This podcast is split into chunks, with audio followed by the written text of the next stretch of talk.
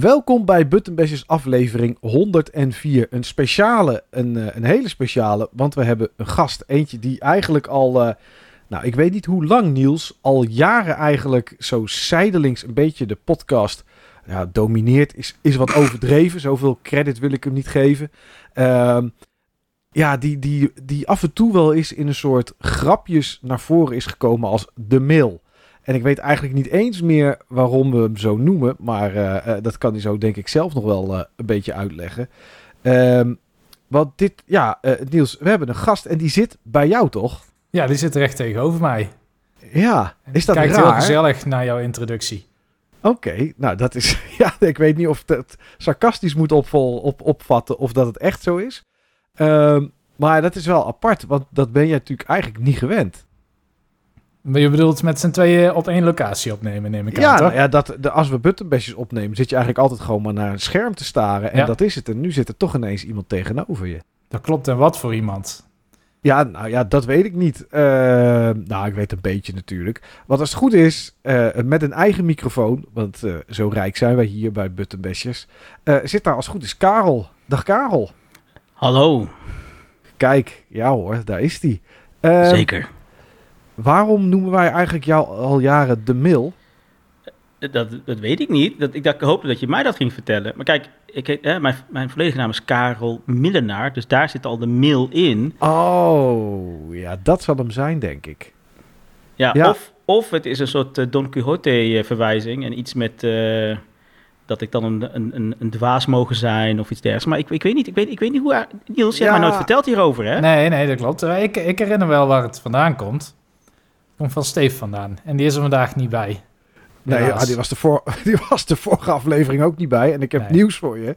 Die is er de volgende aflevering ook niet bij. Nee. Maar volgens mij komt het wel van de achternaam dan, inderdaad, ja. Ja, nee, ja, Eh. we, we hadden lang... Ik denk dat het misschien al wel een, een- een jaar of zeven geleden is of zo. Dat we een keer Klopt. Karel in de uitzending wilden hebben. En toen werkte het niet zo goed met de internetverbinding. Ja. Dus dan hebben we dat op het laatste moment toch afgeblazen. En volgens mij hadden we toen nog wel een verwijzing in de aflevering naar Karel. En toen zei Steve de mail en dat soort van blijven plakken. Met het idee, we hebben een gast, maar die kan er nog niet bij zijn. Die Ja. komt ooit nog wel eens. Nou, daar zit hij dus, 2022. Zeven jaar later. Kijk. Fantastisch. Nou ja, dat hebben we in ieder geval eh, hè, dat hebben we snel aangepakt, dat probleem van het eh, internet. En, eh, en hier is die. Eh, Karel, mensen kennen jou natuurlijk helemaal niet. Tenminste, de mensen die luisteren misschien, misschien zouden ze je kunnen kennen. Maar laten we ervan uitgaan dat ze je niet kennen. Ehm, wat moeten we zeker van jou weten en wat zeker niet? Ehm, nou ja, al- als ik zou beginnen met zeker niet, zijn het dan een hele, zijn het eigenlijk heel veel dingen die je niet van me zou, moet, zou willen weten. Ehm, maar eh, ja, wat we moeten weten. Eh, ik, eh, ik hou van whisky. Dat is, eh, Oké. dat is, dat is, dat is een ding. Eh, ik hou van lekker eten. Ik hou van. Ja, ik heb toch wel iets met games. Eh, Hmm. en ehm, ja, eh, dat is natuurlijk ook de reden waarom jullie mij hebben... Nou ja, in ieder geval Niels mij heeft gevraagd. Ik weet niet of jij per se mij heeft gevraagd, maar in ieder geval Niels. Omdat ik al, altijd als ik bij hem dan eh, langskom, dat we hem eigenlijk, dat we eigenlijk alleen maar urenlang kunnen ouwe hoeren over de games die we wel niet hebben gespeeld. Ja. Eh, dus daar zit iets in. En nou ja, en ik maak, wat is het dan al, eh, 13, 14 jaar maak ik ook games. En, Oké. eh, ja, weet je wel, ik heb eigenlijk wel praktisch alles gedaan wat je in Nederland kan doen met games, behalve AAA. En, eh, en dan nu ben ik dan eh, bezig met, of eh, heb ik onlangs, in, was het dan in juni, een eh, indie game eh, uitgebracht, uh, Unexplored 2. Oké, oh cool. Nou, daar gaan we het zo sowieso nog wel even over hebben. Eh, hoe kennen jij en Niels elkaar eigenlijk? Oh, ehm, ja, Oh. even kijken. Dat is, eh, Of dat- valt dat- dit onder het kopje dingen die je niet van me wil weten? Nou ja, ehm, even kijken. Ja, de HKU is dus wat ons bindt en wat, is, eh, en, eh, wat ook ons scheidt op een bepaalde manier. Want stiekem is Niels een beetje mijn baas. Dus oh, oké. Ik, ja, ik word een beetje eigenlijk gedwongen om hier te zijn, want anders eh, weet je, wel, gaat, staat dat slecht op mijn evaluatie. Is dat ook de reden dat jij dan nu wat flessen whisky bij Niels laat staan, zeg maar? Ja. nou ja, het kan geen kwaad, laten we het zo stellen. Hè? Oké, ja, ja, ja, ja. Maar dat heb je niet van mij. Nee, zeker niet. Het knipt Niels er gewoon uit. Ja, Maar jij, jij bent ook een docent dan op de HKU, of niet? Eh, ja, ik ben eh, docent op de HKU. Ik, eh, ja, ik, ik heb echt zeker als, nou, nu heb ik dan echt heel veel verschillende banen. Allemaal iets te maken met games. HKU ben ik daar uh, docent uh, game design, uh, met name voor tweedejaars. Derde en vierdejaars doe ik projectbegeleiding en afstudeerbegeleiding natuurlijk. Um, ik werk ook bij de HVA, werk ik als on onderzoeker. Waar ik dan onderzoek, ja, eigenlijk laat, ja, geïnteresseerd ben in creatieve tools, hoe je games aan kan gebruiken om bepaalde dingen mee te, bepaalde dingen mee te bereiken, bepaalde effecten mee te bereiken. En daar geef ik ook ontwerpvakken aan HBO-ICT. En dan nog, wat hebben we nog meer? Oh ja, dan maak ik ook nog games. Zo nu dan doe ik ook nog eens consultancy. En dan gaat het meestal over gedragsverandering of playfulness, uh, dat soort zaken. Oké, okay, oké. Okay. Ah, bezig baasje, mag ik het zo noemen dan, als ik dit allemaal hoor? Of valt het wel mee? Klinkt het heftiger dan dat het is? Nee, nee, het is, het is best wel heftig. Ik uh, denk dat we kunnen vaststellen dat ik uh, ja, mijn werkweek best wel vol zit. Ja, absoluut. Ja, oké. Okay. Uh, games spelen doe je denk ik ook af en toe nog wel eens. Ja. Uh, go gok ik zomaar. Wat uh, als je nou drie games zou moeten noemen die jou door de jaren heen zeg maar vooral zijn bijgebleven, die jou een beetje gevormd hebben tot het, de smaak die je nu misschien hebt. Waar, waar moeten we dan aan denken? Um, ik even kijken. Bovenaan staat Salamander voor de MSX. Oké, okay, ja. Um, Star Control 2. En uh, Mass Effect. Oké. Okay. Oh, ja, daar ben ik ook gek op, hè, Niels? Nou, inderdaad. Weet iedereen. ja, dat, ja, ja, ja, ja. Oké, okay, oké. Okay. Nou, dat is wel interessant. Uh, een, beetje, een beetje kennis, een beetje weten wie, uh, wie er bij jou zit, uh, Niels. Mm -hmm. maar nu we het er toch over hebben, wie bij jou zit. Hoe is het met het, met het verhuizen? Ben je verhuisd? Want de laatste podcast had het erover dat je ging verhuizen. Ehm, zit je daar? Ben je daar? Ja, ik zit hier samen met Karel. We zitten in de huiskamer. Ik heb een hele provisorische setup gemaakt met de apparatuur die ik altijd gebruik. Maar dan gewoon aan de, aan de, ja, aan de, aan de eettafel, zal ik maar zeggen. Mm -hmm. En uh, twee verschillende microfoons, twee verschillende koptelefoons. Karel praat in een sok, ik in mijn gebruikelijke plopkap met uh, ja, goede microfoon, zal ik maar zeggen. Om niks af te doen van een andere microfoon. Karel, die is heel duur. Afblijven. Ja. Weet je zeker? Ja, kijk, ik, jij zegt dat het een dure microfoon is, maar ik kan het daadwerkelijk niet zien. Er zit een sok omheen. Ja, het, dat klopt. Dus het, het, en, het, en, het, en, en, en, de, en, en hij, hoe die die sok heeft gevouwen, is dat er een soort... Ja, ik kan het alleen maar Paggy rating, als... Paggy, Paggy. Wat? Alle leeftijden. Oh, uh, lijkt op een bloem. Ja, ja okay. inderdaad. Dat was ook precies ja. waar ik voor ging. Ja. Dus nou, ik, dat ja. is dan goed gelukt. Ja, ja, het, ja ik, heb nog nooit, ik heb nog nooit in zoiets gepraat. Oké. Okay. Maar het bevalt me wel. Oké, okay, nou ja, dat, is, dat is goed. Ja. Hey, maar Niels, je bent dus over. Alles is over. Je woont er volledig. Uh, het is ja. allemaal gebeurd. Zeker, ja. Oké, okay, netjes. Bevalt het? Het bevalt heel goed. Ja, vooral dat ik gewoon veel later kan opstaan. Uh, meer aan mijn avonden nog heb. Je kan daadwerkelijk mensen ontvangen. Ik bedoel, ik heb, ben nog nooit zo vaak langs bij Niels geweest uh, dan, dan, dan, hier. Sterker nog, ik ben nog nooit bij jou langs geweest. Ja, altijd bij mij. En nu je dan uh, hier zit, het is al de derde keer dat ik hier... Dat ik, uh, ja, dat is sinds ik er woon. Ja, ja, praktisch elke week ben ik hier nu. Karel okay. is veel bekender met Zertogenbos trouwens. Dus dat oh. is ook... Um, ja, hij, hij doet een soort van tour elke keer dat we hier zijn. en dan trekt hij me weer naar een ander restaurant. En zo zijn we net India's gaan eten. Oké. Okay. Ja, terwijl dat wel eigenlijk mijn ervaring vrij, uh, laten we zeggen, fragmentarisch is. Dus eh, om, ja, zo vaak kom ik ook weer niet in het bos. Maar ja, ik heb, ik heb altijd wel zin om dan wel lekker te eten. Ik weet al waar we, ik weet niet wel waar de volgende, wat we de volgende keer gaan doen. Oké. Okay. Nou, mooi, mooi dat, het, uh, dat het allemaal gelukt is, Niels. Dat je er zit en dat het allemaal uh, in orde is. Hoe is het met jouw game room dan? Uh, ja, dat kan ik wel vertellen. Uh, die is eigenlijk wel af. Oh, kijk. Ja, ik... Uh, wat zou er nog kunnen? Nou ja, er is nog één plek waar ik drie plankjes op zou willen hangen. Drie kleine plankjes om gewoon wat spulletjes uit te stallen. Um, maar dat kan ik nu nog niet doen, want ergens eind december, begin halverwege januari worden alle kozijnen in het huis nog vervangen. En dat is precies bij een plek waar ooit een deur zat. Want ik zit in een garage. Um, die is dan helemaal geïsoleerd. En, um, en daar zat een deur en die is afgetimmerd als een raam, zodat ik twee ramen hier heb. Alleen ze gaan het kozijn zo breed maken als de deur. En ja, goed, het stuk van de deur, dat zie je niet meer aan de binnenkant, want daar zit, ja, zit gewoon muur nu. Ehm, dus dat is, ehm, eh, dus daar kan ik nu nog niks ophangen. Voor de rest hangen er overal plankjes. Bijna al mijn games, niet alles wat ik op zolder had staan in het vorige huis, bijna al mijn games die staan hier, alleen op een slordige 300, 400 PlayStation 1 games na, die vooral sport en racing games uh, behuizen, zeg maar. Ja, daar heb ik dan net niet zoveel ruimte voor.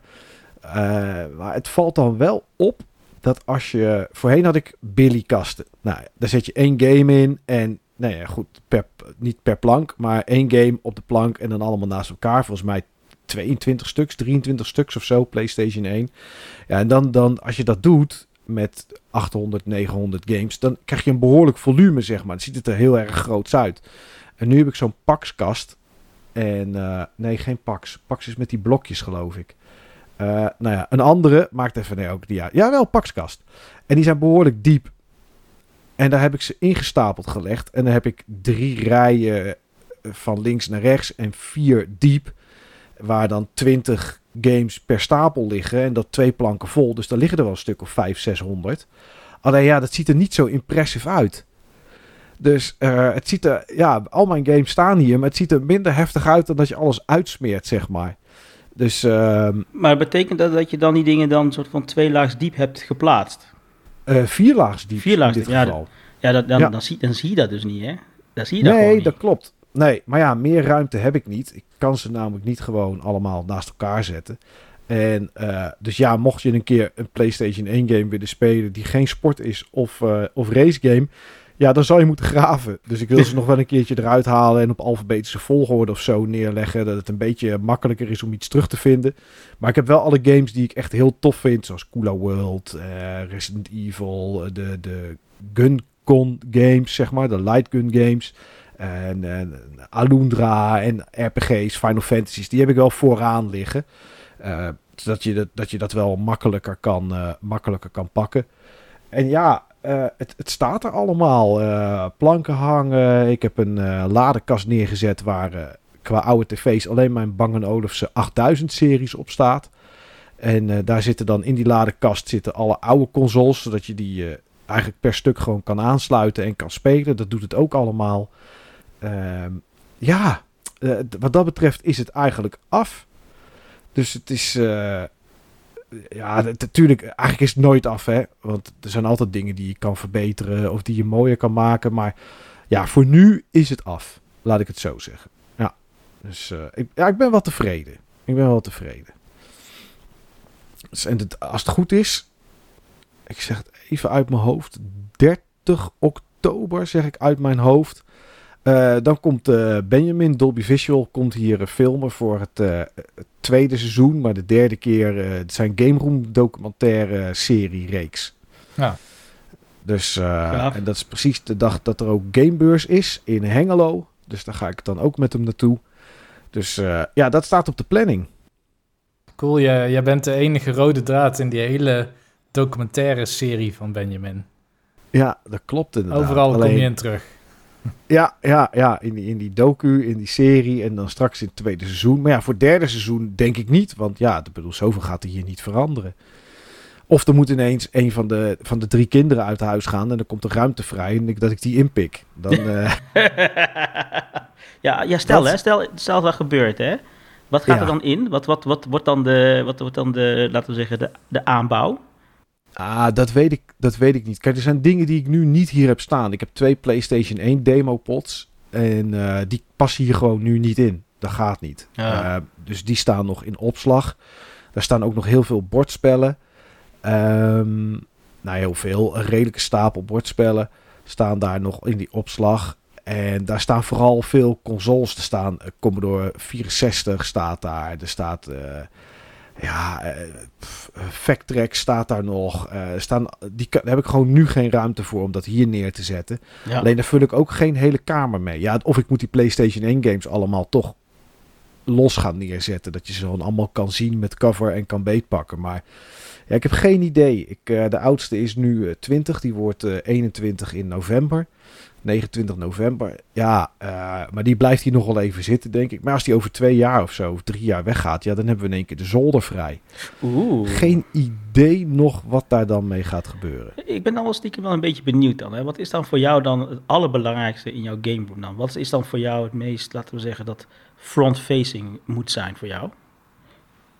Hmm, nou, daar heb ik wel over nagedacht toen ik dit hier in ging richten. Ehm, eh, wat ik gedaan heb, is ik heb uh, wat langere planken heb ik aan de muur gehangen. En daar heb ik een PlayStation 1 op staan, een PlayStation 2 en een PlayStation 3. Met daarbij de games die ik tof vind, zeg maar.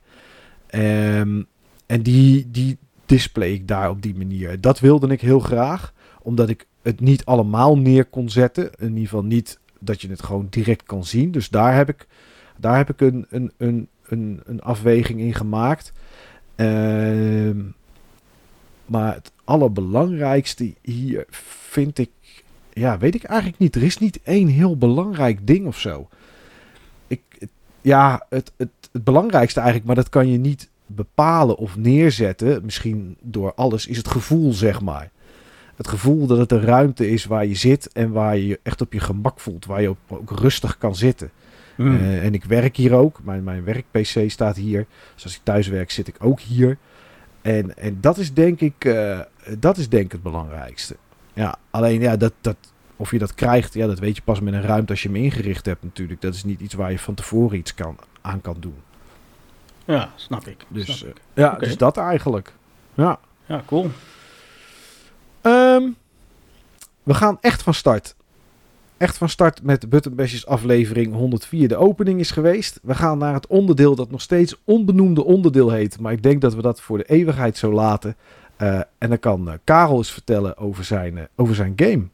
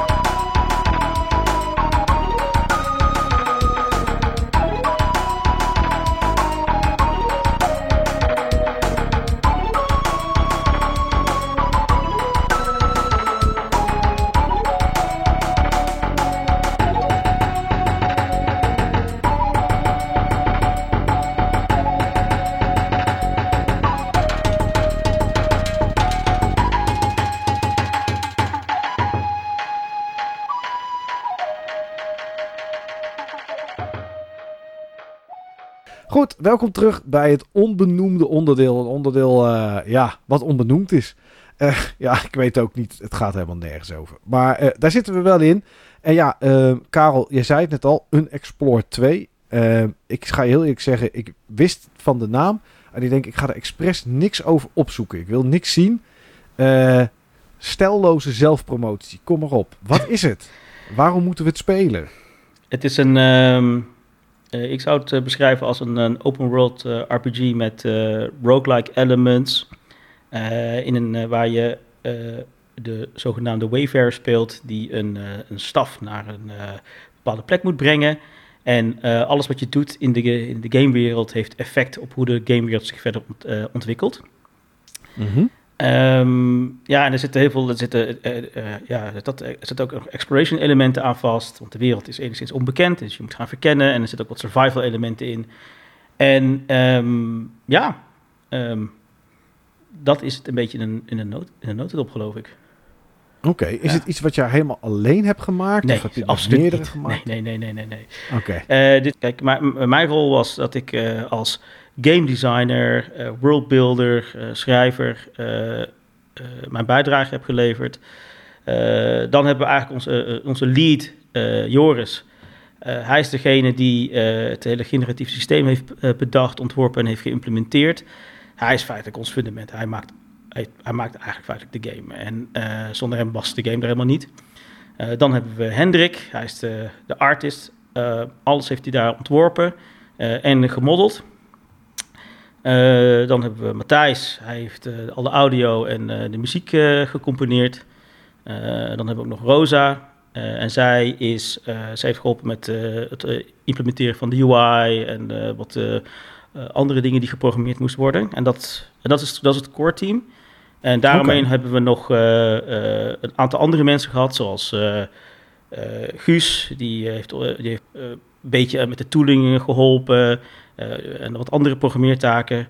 Eh, Dylan, die ons eh, geholpen heeft met het level design en, en eh, zo her en der wat voice-overs. Eh Krijn heeft eh, geholpen met eh, het eh, implementeren van een heel nieuw UI-design. En eh, eh, Nicole, eh, die eh, heeft eh, mij geholpen met het schrijven. En het eh, uitzoeken van hoe we het beste de tekst zo konden eh, zeg maar, structureren dat het ook eh, relatief makkelijk te vertalen viel. Ja, ja, ja, ja. Oké, dus best nog wel een redelijk team. En dat valt allemaal dan onder de ontwikkelnaam, eh, ontwikkelnaam eh, Ludomotion, zag ik? Ja, klopt. Klopt. Oké. En dat is, en is dat, is dat, zet je daar altijd bij? Nee. Is dat van jou of hoe, Nee, dus zit jij daarin? is dat de token van eh, Joris. Eh. En de rest is, zou je formeel gezien ingehuurd door, door hen. Dus, en ik, ja, ik, zeg, ik ben, dus ik, we zijn, ja, laten we zeggen, een soort van work for hire, maar dat is in de praktijk niet zo. Eh het Ah, core team, Nee, ik eh, was benieuwd. ja, we hebben Sorry, allemaal gelijk maar. aandeel daarin, om maar zo te zeggen. Ja, ja, ja. Wel, ik was benieuwd of je ook dan Unexplored 1 had gemaakt. Nee. En ik zag er net nog een, eh, een numbers game die ooit een keer uitgekomen is. Even kijken, dat was Sumiko. Was dat. Sumiko. Ja, Ja. nee, dat, eh, dit is, Joris heeft samen met Matthijs feitelijk die twee games gemaakt. Ehm, en ik heb alleen maar wat key art gemaakt voor Unixport 1. Mhm. Eh, dus de originele, laten we zeggen, promo art, die komt van mijn hand. En eh, nee, dus dat, is, eh, dat was er allemaal daarvoor. En, maar die games hebben wel voor gezorgd dat we met een publisher eh Unixport 2 hebben kunnen maken.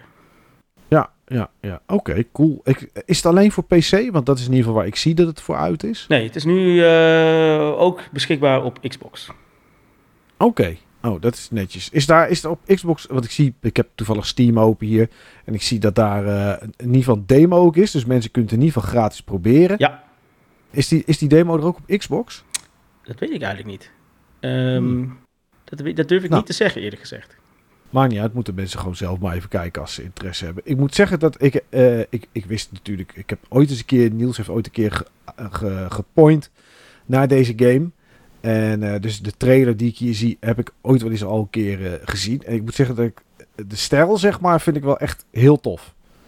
Dat ziet er echt wel heel cool uit.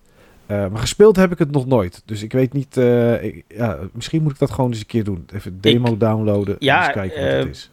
Ik, ja, dat moet je zeker doen. Ehm, kijk, ik, ik heb hier uitvoerig een soort van discussie gehad met Niels over, laten we zeggen, de, eh, hoe, hoe moeilijk een game zoals, zoals wij die hebben gemaakt, om die eigenlijk goed eh, te positioneren.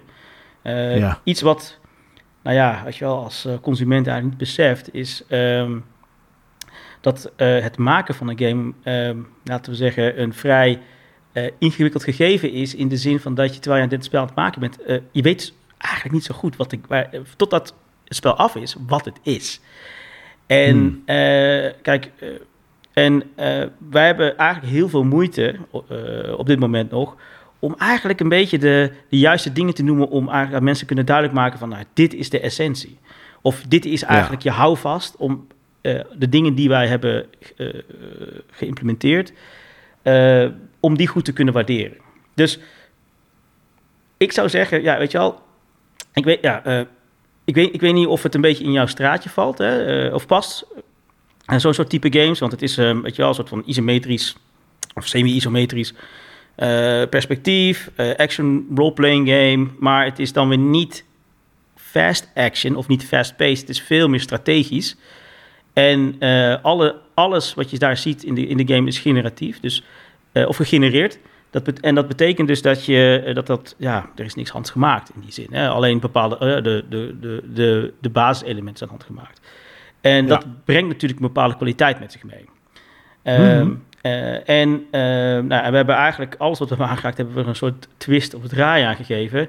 Die, laten we zeggen, niet gebruikelijk is. Dus mijn advies, uh, Maaike, als je het gaat spelen, ga er gewoon lekker blanco in.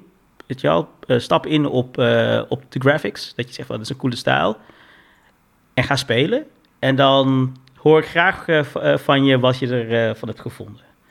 Oké, nou, ik, uh, ik, ik, heb de trailer nu een paar keer tijdens dat je aan het praten was zitten kijken. Het is zeker iets dat ik, uh, dat ik op voorhand al zou zeggen, dit kan ik zeker waarderen. Dus ik, nou ja, ik kan je ook al zeggen, de demo is in ieder geval al installed op dit moment. Cool. Dus, dus ik, ga dit, ik ga dit zeker spelen. Niels, als we gewoon eventjes Karel wegdenken. Heb je het gespeeld? Ja, ik heb het gespeeld. Wat vind je ervan? Ja, dat is een interessante, interessante... Ik vind het een interessante game. Laat ik daar eh, dat voorop stellen. Dit uh, klinkt een beetje als dat... Karel die schiet al in de lach.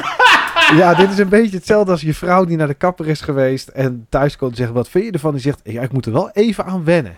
dat, dat, nou, het, laat het zo zeggen. Het is denk ik, en dat maakt de game ook juist interessant het is ook wel een soort acquired taste. Het is iets waar je aan moet wennen. Want het is niet wat je denkt dat het is. Tenminste, ik kwam er met de verkeerde verwachting in. En ik heb het een aantal keer gespeeld. Toen heeft Karel voorgedaan hoe het moest. Toen heb ik het daarna nog een paar keer gespeeld. En toen snapte ik veel beter dat ik ehm, bepaalde risico's moest nemen. Dus ik ben gewend vanuit het type games dat ik heel graag speel. Dat elk obstakel wat ik tegenkom, dat ik dat onmiddellijk op dat moment op kan lossen. En dat het ook de game dat het van mij verlangt.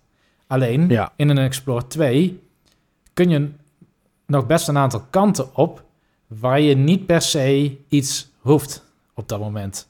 Of misschien zelfs hmm. helemaal niet. Dus um, toen Karel het ging spelen, dacht ik, dit is een soort AGDQ-strat of zo. Dus ja, en dan ga ik hierheen, dan moet ik eventjes dit overtuigen bij dit volk, en dan ga ik vervolgens daarheen. Terwijl ik was letterlijk in een grot en um, er stortte iets in op mijn hoofd of zo. En ik dacht, ik ben af en dit kan ik voorkomen. Dus ik ga nog een keer die grot in en ik ga net zo vaak die grot in... tot ik alle puntjes en gaten van die grot heb gezien. Want er is een beloning die ik nodig heb om verder te komen. En dat is de verkeerde verwachting bij dit spel. Het is veel meer open world. Het, is, het leunt ook veel meer op het roguelike um, speelstijl waarin je moet leren, zeg maar, wat, hoe de wereld werkt en um, wat je daar ook echt precies moet doen. En ik denk wat, wat ik wel meteen heel prettig vond aan de game, is hoe je skill checks doet. Dat gebaseerd is op okay. een systeem wat ik uit bordspellen ken. Uh, maar je, ja, het, uh, het, is niet met dice rolls, maar het is met een wat eleganter systeem die, waar je ook als speler veel meer invloed op kan uitoefenen. Waar toch nog een gezonde verhouding kans in zit, maar ook een soort van risico. En dat kan bespeeld worden met ja, dingen die je misschien in de game doet of de consequenties van je acties. En dat is denk ik wel iets wat je, wat je echt gezien moet hebben, want dat ken ik niet uit een ander computerspel. Oké. Ehm, jij kent mij een beetje. Ja. Moet ik het spelen? Ik, ja, ik denk het wel. Oké. Ik denk het wel. Ehm, en ik denk met name dat je uh, en met de mindset van hoe je misschien vroeger de wat oudere RPG's ook hebt gespeeld. Dus dat je geïnteresseerd bent om de scope van de game te verkennen voordat je mhm. probeert succes te boeken. Ja, oké, oké. Dat is misschien heel abstract wat ik nu zeg, maar... Nou, het, het, klinkt voor mij een beetje als van uh, wat ik vroeger en nog steeds doe. Als ik bijvoorbeeld een, een game als, uh, als een Fallout of zo, of uh, die Outer Worlds dat je eerst overal gaat, dat je juist niet eerst gaat doen wat je moet doen, maar eerst te veel, misschien wel te veel, overal gaat kijken en gaat lezen en gaat praten en dingetjes oppakken voordat je echt gaat doen wat je moet doen. Is moet ik het zo een beetje vertalen? Ik, ik zou het niet zo spelen, omdat het dan je, jezelf heel moeilijk maakt. Um, Oké. Nou ja, ik, ik, zal, ik, zal, ik, ik zal in ieder geval uh, hoe je erin moet, uh, in moet gaan is uh, dat je een soort expe op expeditie gaat. de beste vergelijking hmm. die ik daarmee kan hebben is, is Star Trail. een oud PC, PC-game uit, wat is het, 1994, ook gebaseerd op de dat Zwarte Auge. waarbij de overland travel echt een expeditie is. Je moet eten inslaan, allemaal spullen inslaan, popjes moeten kamperen, et cetera, et cetera. Nou, zover, dat soort, op die manier doen we het niet, maar er zitten wel aspecten van in. Ehm, je moet namelijk bedenken van oké, wat, is wat, ik, wat is wat ik nodig heb als speler? Hoe kom ik nou, hoe kan ik, mij, hoe kan ik mijzelf versterken? Nou, er zijn uh, allemaal rumors te vinden die, we dan, uh, die dan leiden naar bepaalde plekken toe. En je moet bij jezelf dan gaan nagaan van heb ik de juiste spullen om hier redelijkerwijs oké naartoe te gaan en terug te komen. Je moet heen en weer lopen. Ja, oké. Uh, ja. En dat betekent dus dat je wat moet gaan plannen. Dus je moet nadenken, oké, ik zie dat er, er zijn allemaal, laten we zeggen, gevaren en ontberingen die je moet doorstaan. En daar kun je, heb je bepaalde spullen voor die dat dan daar, dat allemaal wat laten we zeggen, minder erg maken. Maar dan moet je dus op voorbereiden. En vervolgens moet je dus ook een afweging maken van oké, tot hoe ver ben ik bereid om mijn, de resources die ik dan heb, zoals je hitpoints, de toestand van je, van je equipment nou, en andere spullen, je, dat, je, je, je, je consumables ben ik bereid om in te zetten om uiteindelijk de treasure, die, om de treasure eruit te halen. Dus wat is het je waard? En dat moet je van tevoren doen. En dit is iets wat, we, wat niet meer, laten we zeggen, niet meer normaal is. Omdat we feitelijk gewend zijn om dan, als we dit soort quests krijgen, dat die eigenlijk al voorgekoud zijn. Zo van, oh ja, je krijgt zeker weten dit eruit.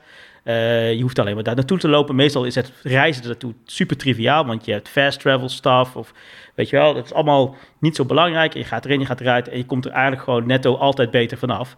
En dat is in onze game ja. niet zo. Absoluut hmm. niet zo. Oké, okay. dat is op zich wel interessant natuurlijk. Ja. Ah, oké. Okay. Nou ja, ik, uh, ik kan maar één ding doen, uh, Karel, en dat is het gaan spelen. Graag, graag. Dus uh, ik ga dat doen. En uh, in de volgende podcast die we gaan opnemen, dan uh, ga ik vertellen wat ik ervan vond. En of ik uh, op het knopje toevoegen aan winkelwagen heb gedrukt nadat ik de demo heb gespeeld. Cool. Ja. Kijk er naar uit. Um, Oké, okay. dit onbenoemde onderdeel is eigenlijk ook als er iets opgevallen is in de media of wat dan ook. En ja, mij ik, van de afgelopen tijd, nou grote dingen voor mij die er waren. Alleen uh, met die ene kan ik met jullie alle twee niet over praten, heb ik net begrepen. Dat was Gamescom. Gamescom had de opening night. En uh, een presentatie van twee uur door Jeff. Jeff Keighley. En uh, ja, daar zaten wel een aantal dingen die ik interessant vond. We hoeven het er niet heel lang over te hebben. En want ja, goed, de helft zullen jullie of niet gezien hebben. Maar of misschien niks mee hebben. Het is vrij kort. Maar ik vond het wel interessant om te zien dat Sony eigenlijk een PS5 uh, DualSense Edge controller gaat maken. Eigenlijk net zoals de ja, Xbox Elite. Een, een controller die je kan customizen. Heb je hem gezien, Niels? Ja, ik heb hem wel gezien. Ja. Oké, okay. en dacht je van, uh, nou, uh, leuk? Of dacht je van, hè, eindelijk? Nou ja, ik, ik, wil eerst weten, want bijvoorbeeld zelfs die Elite controller van Microsoft heeft uiteindelijk dezelfde mankementen als de reguliere. Het is een luxe controller. Um, en dat is volgens mij die nieuwe controller van Sony ook. Ja. Maar um, lost het een paar basic issues op. Ik, hoop dat het de beeldkwaliteit wat hoger is. Dat het iets steviger, meer solide aanvoelt, zeg maar. Uh, dat heb ik gelezen volgens mij niet. Volgens mij is die gewoon net zo plastic als de PS5 DualSense controller. Oké. Okay. Ja, nou ja, op zich, ja. er zijn ook fans juist van dat gevoel. Want het lijkt ook mm -hmm. tamelijk qua feel nog steeds een beetje op de, de DualShock... Uh, 4 controller. Ja. Uh, en het andere is, uh, want daar hadden de, de DualSense controllers ook last van, die drift. Of dat dat nu dus minder optreedt bij die meer premium variant. Uh, ik denk het niet. Ik heb daar ooit een keer een video over gezien waar het nu door komt en hoe dat gemaakt wordt. En volgens mij zijn de onderliggende onderdelen in de controller komen die allemaal gewoon uit dezelfde fabriek. En je hebt gewoon of geluk of pech. Ja. Dat is volgens mij hoe het werkt bij uh, stickdrift. En uh, ja, je, het kan zijn dat het na een maand optreedt. En het kan zijn dat het na tien jaar nog niet optreedt. Uh, en dat is volgens mij gewoon luck of the draw. Daar doe je volgens mij niet zoveel aan. Ja, ik heb sinds twee weken ook Joy-Con drift trouwens. Dus ik okay. ben bekend met hoe lastig het dan is om in minuutjes te navigeren. Omdat het pijltje wil automatisch altijd helemaal naar beneden. Ja, ja, ja, het is heel irritant. Ik heb het met één PS 4 controller. En uh, ja, als je dan uh, iets zit te spelen wat uh, third person is, dan draait je poppetje soms ineens. En ik had natuurlijk al last van die drift door de verbinding op de Switch destijds toen die uitkwam. Dat, eh, dat het scherm ook langzaam een kant op draait. Dus ja, het is wel, eh, het is wel heel hinderlijk inderdaad. Eh, andere dingen die ik... Nou, het meest interessante voor de rest vond ik de release date van Return to Monkey Island voor 19 september. Nou, die heb ik gelijk in de pre-order gegooid. En voor de rest viel het me op dat er best wel wat Soulsborne-achtige games waren. Lords of the Fallen uh, krijgt een reboot. Dat heet nu The Lords of the Fallen. Uh, Lies of P, die zagen we. De Pinocchio, uh, Pinocchio Born, zullen we het maar zeggen. En die komt dan ook nog naar Game Pass. En, en een ander dingetje dat ik ineens grappig vond... is dat we Telltale in één keer weer terug zagen. The Expanse is een nieuwe Telltale game...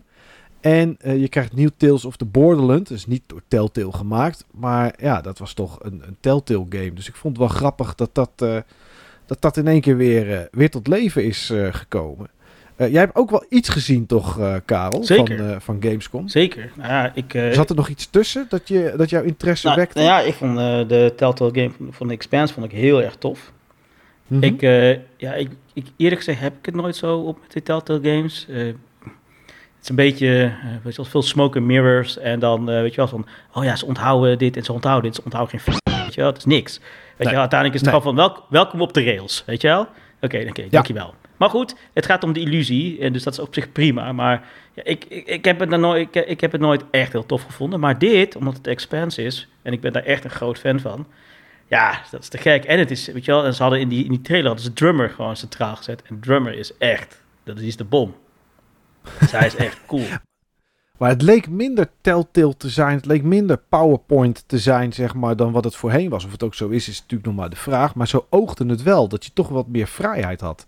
Ja, laten we hopen, hè. Laten we hopen dat dat, ja. uh, dat, dat zo is. Uh, ja. Dat zou gaaf zijn. Ja, ik ben gewoon heel benieuwd wat, uh, ja, waar het dan over gaat en wat voor keuze je moet kijken. En ja, in Expa Expanse, weet je wel, dat, dat, die hele serie zit vol met die keuzes die die mensen moeten maken, weet je wel.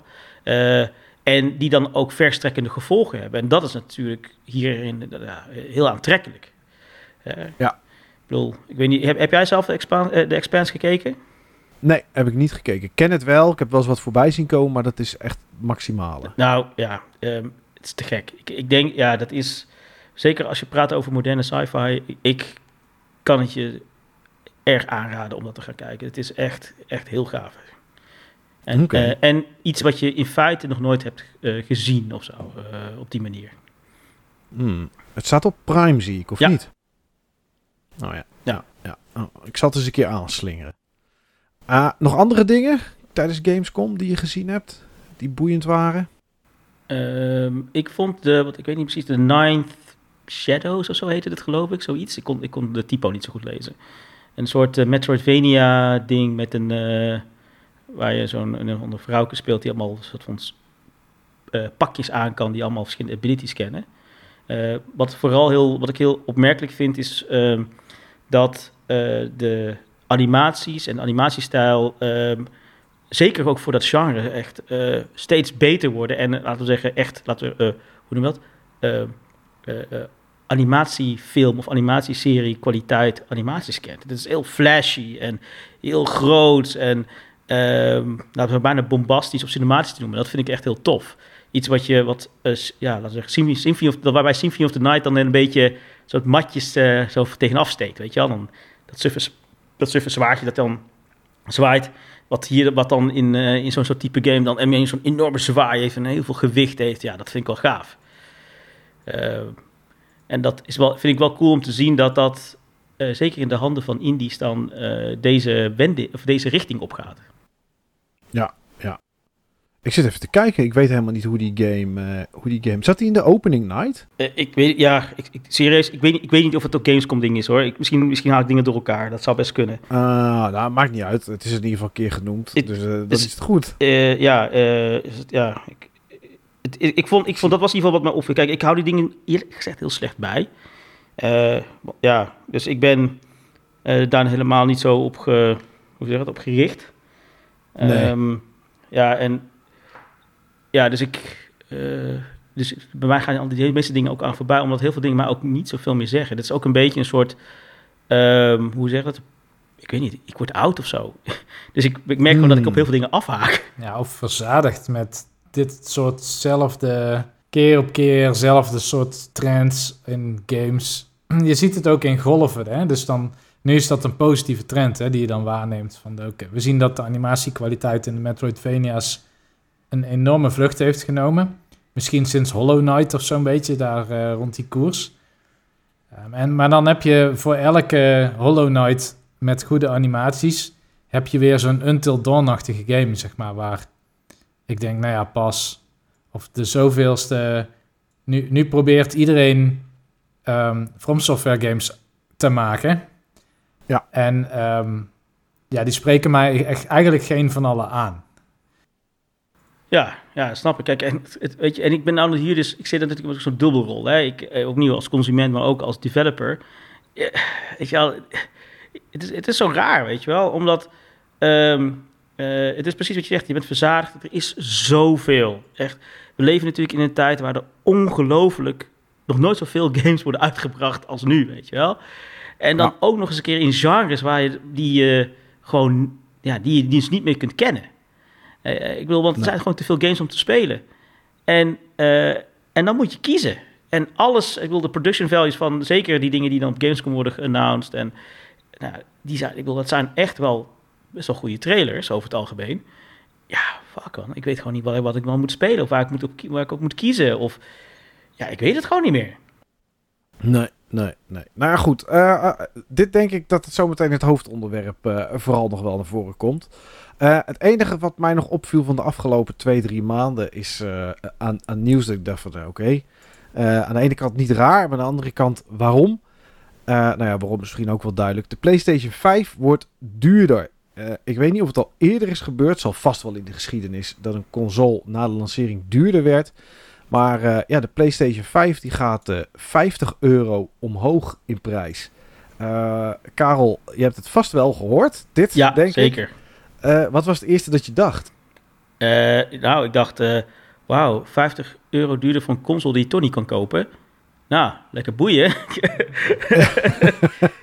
ja, ja, terwijl ik best wel, ik ben echt wel een PlayStation fan. Hè? Weet je wel, vergis je niet. Maar ik, ik ben afgehaakt toen de na, na, na, de vier, dus toen de vijf was, omdat die gewoon niet te krijgen was. En nu heb ik nog minder motivatie om hem eigenlijk uh, te willen kopen. Uh, ja, ik zie, ik, ja, ik denk, ja, weet je wel, laat maar. Ik, ik wacht wel of zo, ik weet het niet. Ik, uh, ja, ik, ik, weet niet. Is er een reden om, om een PS, PS5 echt te willen hebben? Ik bedoel, naast de Horizon Zero Dawn of zo? Of? nou, dat zou voor mij geen reden zijn. Voor mij zouden er twee redenen zijn. Uh, Returnal en de Demon Souls remake. En dan, oké, okay, en zou je dan bereid zijn om dan de prijs plus 50 euro te betalen om daar dan toegang tot te hebben? Uh, nee, ik zou ook niet de prijs min 50 euro. Dus hij is nu 4,99. Het wordt dan straks uh, 5,49. nee, daar ben ik niet bereid het is niet dat ik het, het klinkt heel uit de hoogte, maar het is niet dat ik het niet kan betalen. Alleen ik wil het op dit moment nog niet. En voor mij zit daar vooral een reden bij dat ik uh, destijds een Xbox One heb gekocht. Uh, nou, viel natuurlijk toch een beetje tegen. Uh, en vrij snel daarna een, een, PS4 kocht. En daarna die Xbox One nooit meer, bijna nooit meer heb aangezet. Mm -hmm. Dus voor mij zijn twee consoles van dezelfde generatie is gewoon, ja, dan ga ik kiezen op ja. wat mijn main console wordt. Um, dus dat is voor mij een reden om het niet te doen. Uh, ja, die 50 euro, nou, ik vind het wel vreemd. Kijk, mensen zeggen natuurlijk grondstoffen worden duurder, alles wordt duurder. Ja, dat klopt. Maar uh, als alles duurder wordt, moet je dan juist dit niet duurder maken. Omdat het ja, weet je, ho hoeveel winst gaat Sony halen uit die 50 euro? En uh, waarom gebeurt het niet in Amerika? Ja, goed, je kan zeggen de dollar en de euro zijn bijna gelijk. Uh, dus daarom gebeurt het niet. Maar ja, voorheen was iets wat 300 dollar kostte in Amerika bij lancering altijd 300 euro. Dus hè, daar, daar zat toch ook altijd al een verschil in. Maar voor mij is het geen reden om hem niet te halen. De enige reden op dit moment om hem niet te halen is dat ik gewoon niet nog zo'n joekeloeris van een apparaat naast mijn tv wil hebben staan. Omdat een van de twee gaat toch verstoffen. Zeker met hoeveel ik op dit moment nog maar game. Hmm. Ja. Dus ja, dat is het voor mij eerder. Maar ik vind het wel vreemd. Want ik bedoel, ja, waarom nu duurder. Kijk, als ze nou een nieuwe zouden maken, er komt een nieuwe aan die minder power consumed. Dus die wat stroom, stroom eh, efficiënter is. Ja, goed, weet je, eh, doe daar dan iets extra's bij. eh, en doe het, maak hem daarom duurder. Sowieso hadden ze dat in mijn ogen best kunnen doen. Hè. Ze hadden best kunnen zeggen, weet je, hij wordt 50 euro duurder. Maar je krijgt er drie maanden PlayStation Essentials bij of zo. Of PlayStation, eh, ik weet niet wat die hoogste tier is. Eh, om, om daarvan te proeven en dan een beetje waarde terug te krijgen voor die vijf tientjes die je extra moet betalen. Dan, ja, dan had het misschien nog interessant geweest. En dan had je misschien nog mensen aan je kunnen binden dat ze daarna dat abonnement namen. Nou ja, dit zal ongetwijfeld een soort corporate eh, beslissing, een strategische beslissing zijn ge- geweest. Ik bedoel, dat eigenlijk, laten we zeggen, eh, niet zoveel te maken heeft met ons, dan wel met hun, in die zin. Hmm. Ja, ik heb een vrij cynische interpretatie van de prijsverhoging. ja. Want eh, op dit moment is het heel moeilijk überhaupt, of het was heel moeilijk nog voor de prijsverhoging, om voor die 500 euro dat het systeem kaal zou moeten koop, kosten, om hem ook aan te Ja. kunnen kopen. Dus je had vaak bundles of je was zeer afhankelijk van of het je wel of niet op een of andere lijst stond van een winkel of van Sony zelf. En wat volgens mij deze prijsverhoging voor ze voor elkaar brengt, is dat mensen die sowieso veel gemakkelijker extra geld in de hobby uitgeven, die console kopen. In plaats van de mensen die hem kopen en vervolgens eigenlijk met één game of zo, of met een goedkoop abonnement, de rit wel even uitzitten. Dus volgens mij spreken ze juist hiermee de mensen aan die sowieso veel meer geld het ecosysteem in komen brengen. Want ik dacht eerst, wat levert die 50 euro op? Ja, die volgens mij niks. Maar het is wat daarna het op zou leveren. En nu Hmm. een PlayStation 5 verkopen aan iemand die misschien één FIFA-game koopt En een Call of en Duty. een Call of Duty, eh weegt niet op tegen iemand die tegen een hogere buy-in misschien veel meer geld uitgeeft in het systeem. Hmm. Ah, dat is wel een interessante kijk. Maak hem duurder. Degene die er toch meer geld aan uit zou geven dan alleen maar één game, koopt hem toch wel. En dan verdienen we in die end meer aan. Karel twijfelt, zie ik aan zijn blik. Ja, ja, nou ja, ja, het is natuurlijk een beetje een eh, interessant. eh, dat in, in, eh, ja, het, het is een interessant gegeven. Ja, kijk, ik wil. Ik blijf natuurlijk een beetje koffiedik kijken. hè. We weten het gewoon echt niet wat in, een, wat in die hoofden van die mensen omgaan. Eh, het, dient duidelijk een strategisch belang. Het is een, een, en laten we zeggen dat het niet per se de, de beste eh, marketingstrategie is eh, die mensen kunnen bedenken. Ik, Nee. eh, Dus ik, ja, goed. Maar goed, uiteindelijk. eh, eh, ik denk dat we dat, eh, dit alweer snel vergeten. En dan is het gewoon de, gewoon de norm dat die eh, plus 50 euro is. En dan, eh, ja, ik bedoel. Je zei, eh, kopen lukt dat toch sowieso al nog steeds niet? Of is dat al tegenwoordig veranderd? Nou, je kan, eh, je kan je nu bij Sony inschrijven en dan kom je op een lijst te staan. Daar, daar is het iets makkelijker om te doen. Maar volgens mij zit je nog steeds maanden in de wacht op dit moment. Nou, bundles kun je wel. Bundles zijn voorradig, al maanden inmiddels. Dus als je het niet erg vindt om ook wat zut bij te krijgen en een game die je niet hoeft, dan is het niet zo dat je nu random een winkel in kan lopen. Maar bij Mediamarkt zijn zo'n beetje elke week zijn, is de voorraad groot genoeg dat je niet een afspraak hoeft te maken of hoeft te bellen van hou er een achter. Er komen met pallets wel binnen. Tenminste, dat was mijn persoonlijke ervaring een aantal weken geleden. Oké. En toen heb jij gewoon een hele pallet Ja. met PlayStation 5's gekocht om eh, ze dan op het Nee, secundaire wel markt- gezien. En dan zie je dus mensen met meerdere PlayStation 5's naar de kassa toe lopen. Ja, ja. Ja, dus de, de kans, als je er echt in wil, dan, dan kun je hem echt wel hebben. Zeg maar. maar het is niet meer een impuls aankoop van, ah, we lopen nu toevallig de Nee, nee, dat is absoluut geen... Ik bedoel, voor dat geld is het per was het was sowieso geen impuls aankoop. Nou ja, eh, Nee. ja. Ik, het, het, het, Nee, ja. precies. En ik kijk nu bij dingen. Ik kijk toevallig even bij Amazon hier in Nederland. Die hebben ze op voorraad. Alleen betaal je 796 euro. Wat? Ja. Oh, oké. Dus daar, de scalpers zitten daar gewoon. Ja, nou ja, die, die, Hier, no- nog een cynische insteek dan. Zou het kunnen zijn Ja. dat ze dan de prijzen, de, weet je wel, de prijzen van de, van de scalpers gaan, gaan benaderen. Zo van, ja, maar we zijn nog steeds goedkoper dan de scalpers. Ja, Dus- en je koopt hem trouwens, het is, staat wel op Amazon, maar ik zie staan dat je hem niet door Amazon zelf koopt. Je koopt hem bij een tweede of derde Ja, partij. dus waarschijnlijk is dit, is dit iemand die er een paar gekocht heeft. En, eh, en op die manier eh, daar, geld aan, eh, daar geld aan wil verdienen. Wie is zo, wie is zo wil, hoe, hoe graag, ja, ik wil, wat zou het dan, hoe kan het viable zijn? Hè? Dat is eigenlijk wat ik me dan afvraag. Hoe graag wil je dan die game willen spelen? Ik bedoel, het is... het- Ehm, ja. nou, daar kan ik wel antwoord op geven. Toen Elden Ring uitkwam, zat ik dat te spelen. Mijn vriendin wilde het ook heel graag spelen. En eh, ik speelde het op Xbox Series X. En zij wilde eigenlijk ook wel Xbox Series X. Ja, dan loop je de mediamarkt in. Dan ligt daar zo'n bundel met eh, Forza Horizon 5 erbij. Die eigenlijk gewoon ook in Game Pass zit. Eh, dus ja, weet je, hoeveel is die game dan nog waard? En een of andere oplaadstation en eh, een of ander standaardje waar je dus gewoon 120 of 130 euro meer voor kocht. Maar ja, die ging toch onder de arm mee. Want eh, ja, dan kan je in ieder geval alle twee tegelijkertijd Elden Ring spelen. Dus ja, er is wel een markt voor. Als je het echt wil, ehm, Huh. ja, dan koop je het dus. Wauw, dus, dus wil je zeggen dat je dan in je, in je, je huishouden gewoon twee Xbox X hebt staan? Ja, dat wil ik zeggen, ja. Wauw. Dat is het enige Ja, zeggen, wauw. Hij heeft zelfs de Ja. fridge. Sorry, wat? De fridge, de diepvries in de vorm van een ja, Xbox. de koelkast. Ehm, Oké. Ja, die heb ik hier staan. wa- Die staat eh, in de game room. Is, is, waarom? Omdat ik het eh, een hele leuke marketing stunt vond. En ik wel een extra koelkastje hier in de gameroom kon gebruiken. Ondanks dat er een tweedeurs Amerikaanse naast mij staat. Eh, hebben we er toch altijd flesjes drinken in en dat soort dingen allemaal. En het is gewoon een leuk item om neer te zetten. Juist, ja. Oké, ja, nou ja, oké, cool. Cool, cool, cool. Eh, Ja, ja. Wauw. Dus eh, ja, nou ja, het is hetzelfde als net als je dan toch niet, nogmaals niet uit de hoogte wil doen. Dat geld wel hebt, zeg maar. Ja, weet je, ja, geef het dan maar een keertje aan zoiets Maar, geks maar dat, had, dat had dan dus een PlayStation 5 kunnen zijn. Dan had je dan, laten we zeggen, het hele, hele spectrum kunnen bedienen. Ja.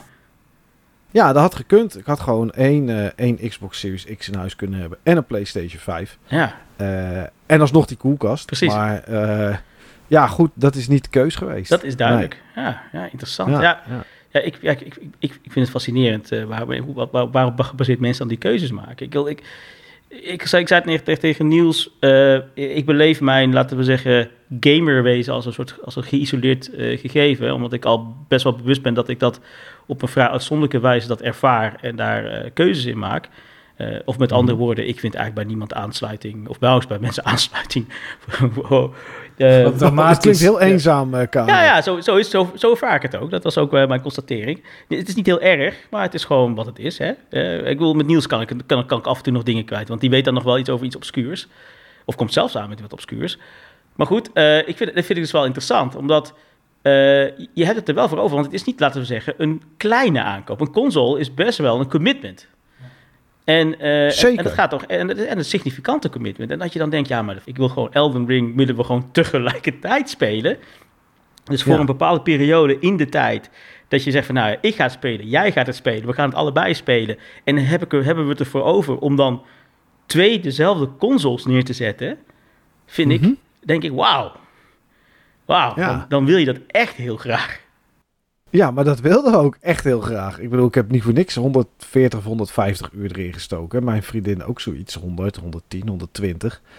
Uh, en dan wil ik niet zeggen dat dan een aanschafwaarde van met die game erbij... misschien ging dat richting de 6,5, 7 of zo... dat dat dan 120 uur...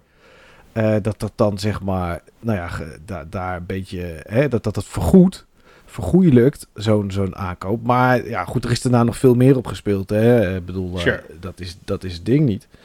En uh, ja, nou goed, er staat er nu gewoon één in de huiskamer en één hier in de game room. Ja, gelukkig, gelukkig heb je waarschijnlijk ook wel, er zijn er genoeg spelers in het huis die dan uh, daar optimaal gebruik van maken. Van Zeker. Zeker. Ja, dus, ja, ja. dus dat is dan, laten we zeggen, de, de luxe die je dan jullie zelf hebben verschaft. Dus dat is, maar ik vind dat, ik vind dat wonderlijk. En ergens denk ik, los van, los van, laten we zeggen, het financiële stukje, vind ik dat wel ergens wel weer hoopvol. Dat dat gewoon dan oké okay is en normaal, normaal is. Is dat normaal? Ik weet niet. Het, is, het is er in nou, ieder geval. Weet, of, het, of het normaal is, weet ik niet. Ik, ik, kan, ik bedoel, terwijl ik dit vertel, denk ik ook van ja, weet je, er zijn genoeg huishoudens waar ze blij zijn dat ze een van de twee kunnen, ko kunnen kopen. En dan niet omdat ze beschikbaar zijn, maar financieel gezien. Um, of, of dat ze blij zijn dat ze nu een PS4 hebben met, met een hele stapel games. Dus weet je, het, het, is ook niet dat ik dit vol trots en met borst vooruit zit te vertellen. Maar het, ja, het is wel wat het is. Zo simpel is het nou, eigenlijk. Ja, dat, uh, dat is toch maar gamer life, toch? Ja, nou ja, en, en ja... Ik vind het ook wel makkelijk. Want als ik dan een keer in de huiskamer zit, dan eh, pak ik daar mijn controller op. Of andere controller. En dan kan ik gewoon verder met waar ik in de game room eh, mee begonnen was. Als iemand anders daar zit te spelen. Dus wat dat betreft is het eigenlijk ook... Natuurlijk, het is super luxe. Maar het is ook wel prettig Ja, ik snap het. Ik snap het. op die manier. Ja, Grappig. Oh, cool. Ja, ik, had, ik kan, zou, had ik nooit kunnen verzinnen, dit. Had ik nooit kunnen nou, verzinnen. kijk, dat is mooi. Ben je toch nog een beetje verbaasd? ja, ja, ik, deze- ik leer deze- nieuwe deze dingen vandaag. Dus dat is wel cool. Ja, oh, dat is mooi. Ehm, ja, tot zover het onbenoemde onderdeel. eh, wat iets langer duurde, maar ja, wat niet. Eh, ja, game-gerelateerde events. Volgens mij ben jij nergens geweest, Niels. Nee, maar ik wil wel eventjes eh, kort een event toelichten die binnenkort is. Ah, kijk. Ik weet niet of dat we dat halen met editen, maar ehm, ja, vast wel. Gewoon erin laten zitten. Je gaat het nu toch ook vertellen? Ja, ja, ja. Op toch. 8 en 9 oktober is in de, Oh, zo. Ja, ik snap het. is in de jaarbeurs in Utrecht Gameforce. En Gameforce is een heel groot evenement, dat groter is dan First Look was in Nederland, dat eigenlijk uit België komt. En dat gaan ze dus voor Oh, het dat eerst heb ook ik gezien. Precies. Dus het wordt een behoorlijk evenement en het is een combinatie van dingen kunnen spelen, waar developers staan, waar publishers staan, industry talks. Dus het is heel interessant. Ik ga daar zeker bij zijn. Ik heb zelfs mijn vakantie verzet om erbij te kunnen zijn. Oké. Omdat ik er ook Nou. een rol in moet spelen overigens. Maar goed, dat we Oh, ook wat af kunnen schuiven. Ho- Hoezo, hoezo? Wat, wat moet je dan doen dan? nou, we zijn wel aangehaakt bij de organisatie om Oh, een onderdeel van het event te verzorgen, laat ik het zo noemen. en welk eh, onderdeel zou dat dan zijn? Of is dat, is dat geheim? Nee, dat is niet geheim, maar dat, dat, dat, dat is... Kijk, voor ons is het een mate van eh, zelfrepresentatie. Ehm, door interessante projecten daar ook neer te zetten, van alumni bijvoorbeeld. Nou, te gek. Ehm, we willen een, een soort workshop gaan aanbieden, zodat de doelgroep daar... En dat zijn vooral jongeren tussen, ik meen 12 en 16, dus die gaan vaak nog een studiekeuze moeten maken. Laten zien dat een carrière in games mogelijk is. Eh, daar moet je wel heel wat voor doen. Dus dat is wel eh, ook iets wat we willen laten blijken uit die workshop. Dus het is ook een soort van reality check. Maar het is zeker iets waar ze iets gaan beleven. En ehm, er is nog een optie op een keynote waar ik nog geen invulling voor heb op het moment. Cool. Ja. Oh, dat is wel gaaf. Eindelijk weer wat, eh, wat eh, leven in de brouwerij. Ja, ja en in Utrecht dus eh, recht voor de deur. Ja, het zou eigenlijk bijna dan idioot zijn om daar niet op aan te haken, zou ik zeggen. Ja, Ja, spannend. Nou, kijk, dat is cool. Hebben we toch nog iets eh, gehad voor game-gerelateerde events? Tenzij jij, jij nog iets hebt, Karel. Iets waar je bent geweest. Eh, nee, nee, ik, ik, kom, ik kom nergens. Dat is... eh, Oké, nou, dat is, wel, dat is wel lekker. Dan houden we dit onderdeel lekker kort en kunnen we door naar de Game Talk.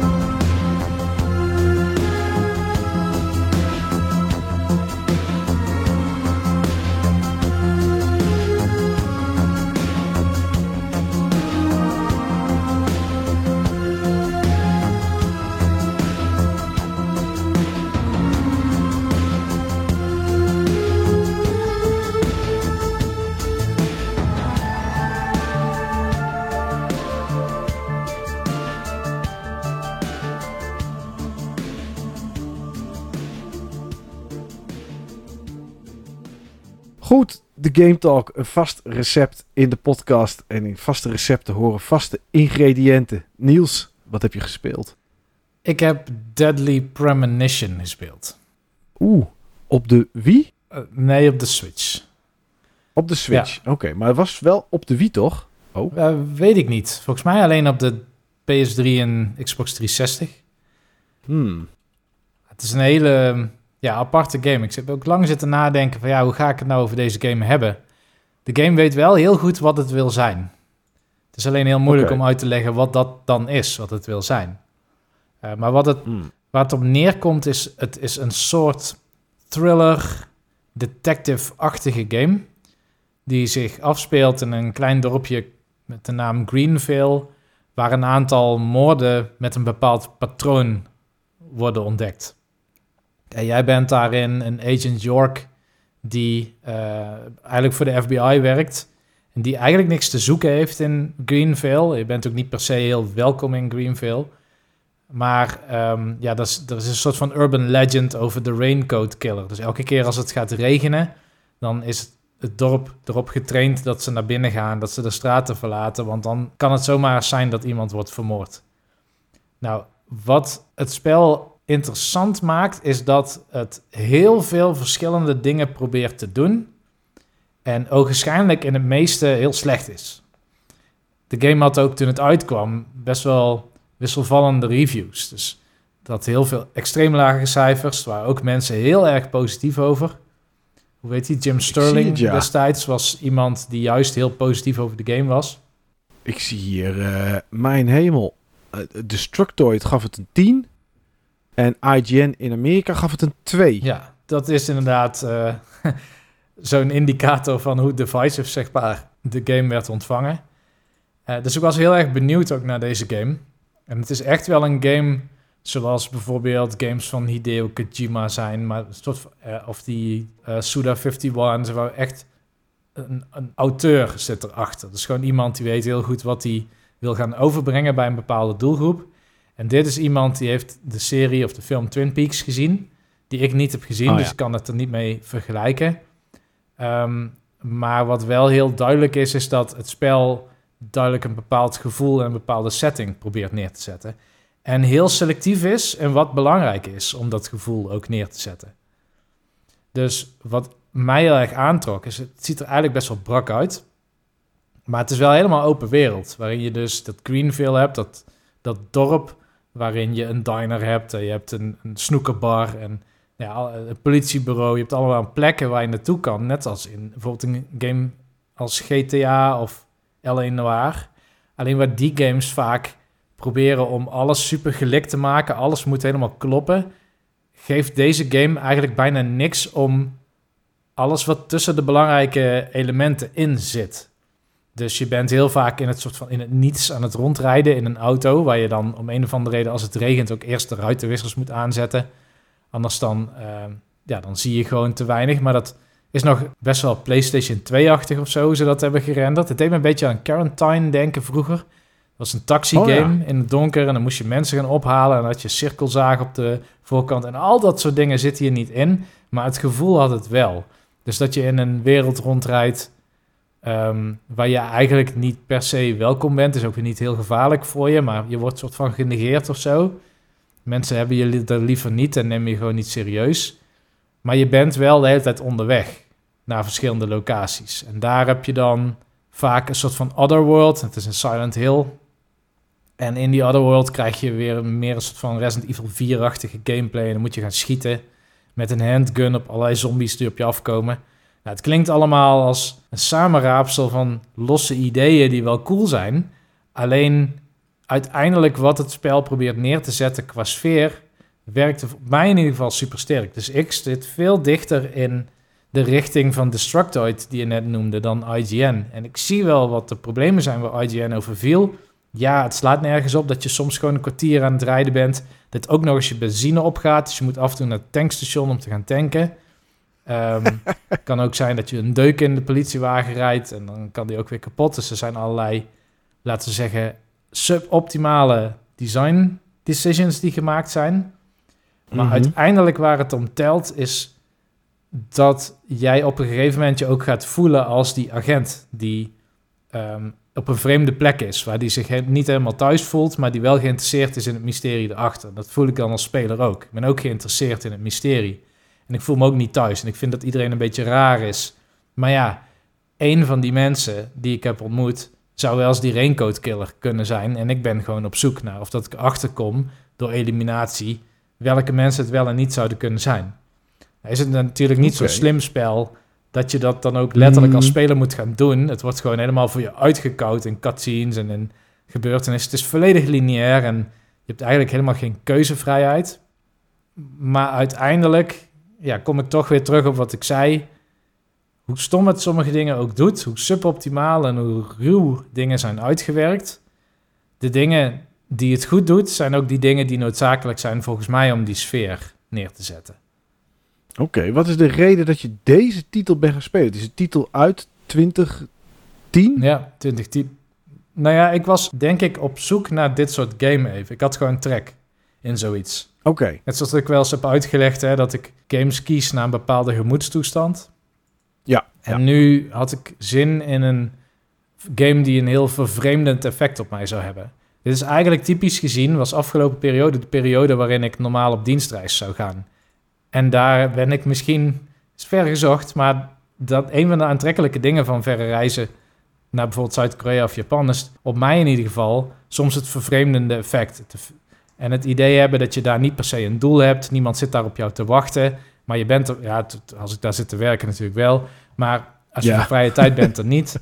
Ehm, en, en dat idee dat je losstaat van de maatschappij, dat vind ik, en ik heb het met Karel wel eens over gehad, hij denkt er compleet anders over, maar voor mij is dat heel prettig. En deze game, die doet dat gevoel heel goed na. Oké, nou ja, dan snap ik wel dat je dit bent gaan spelen. Het, het, is, het klinkt wel interessant, maar het, het, het, is ook een beetje vreemd, inderdaad. Maar dat is dan misschien net wat het dan wel weer zo interessant maakt.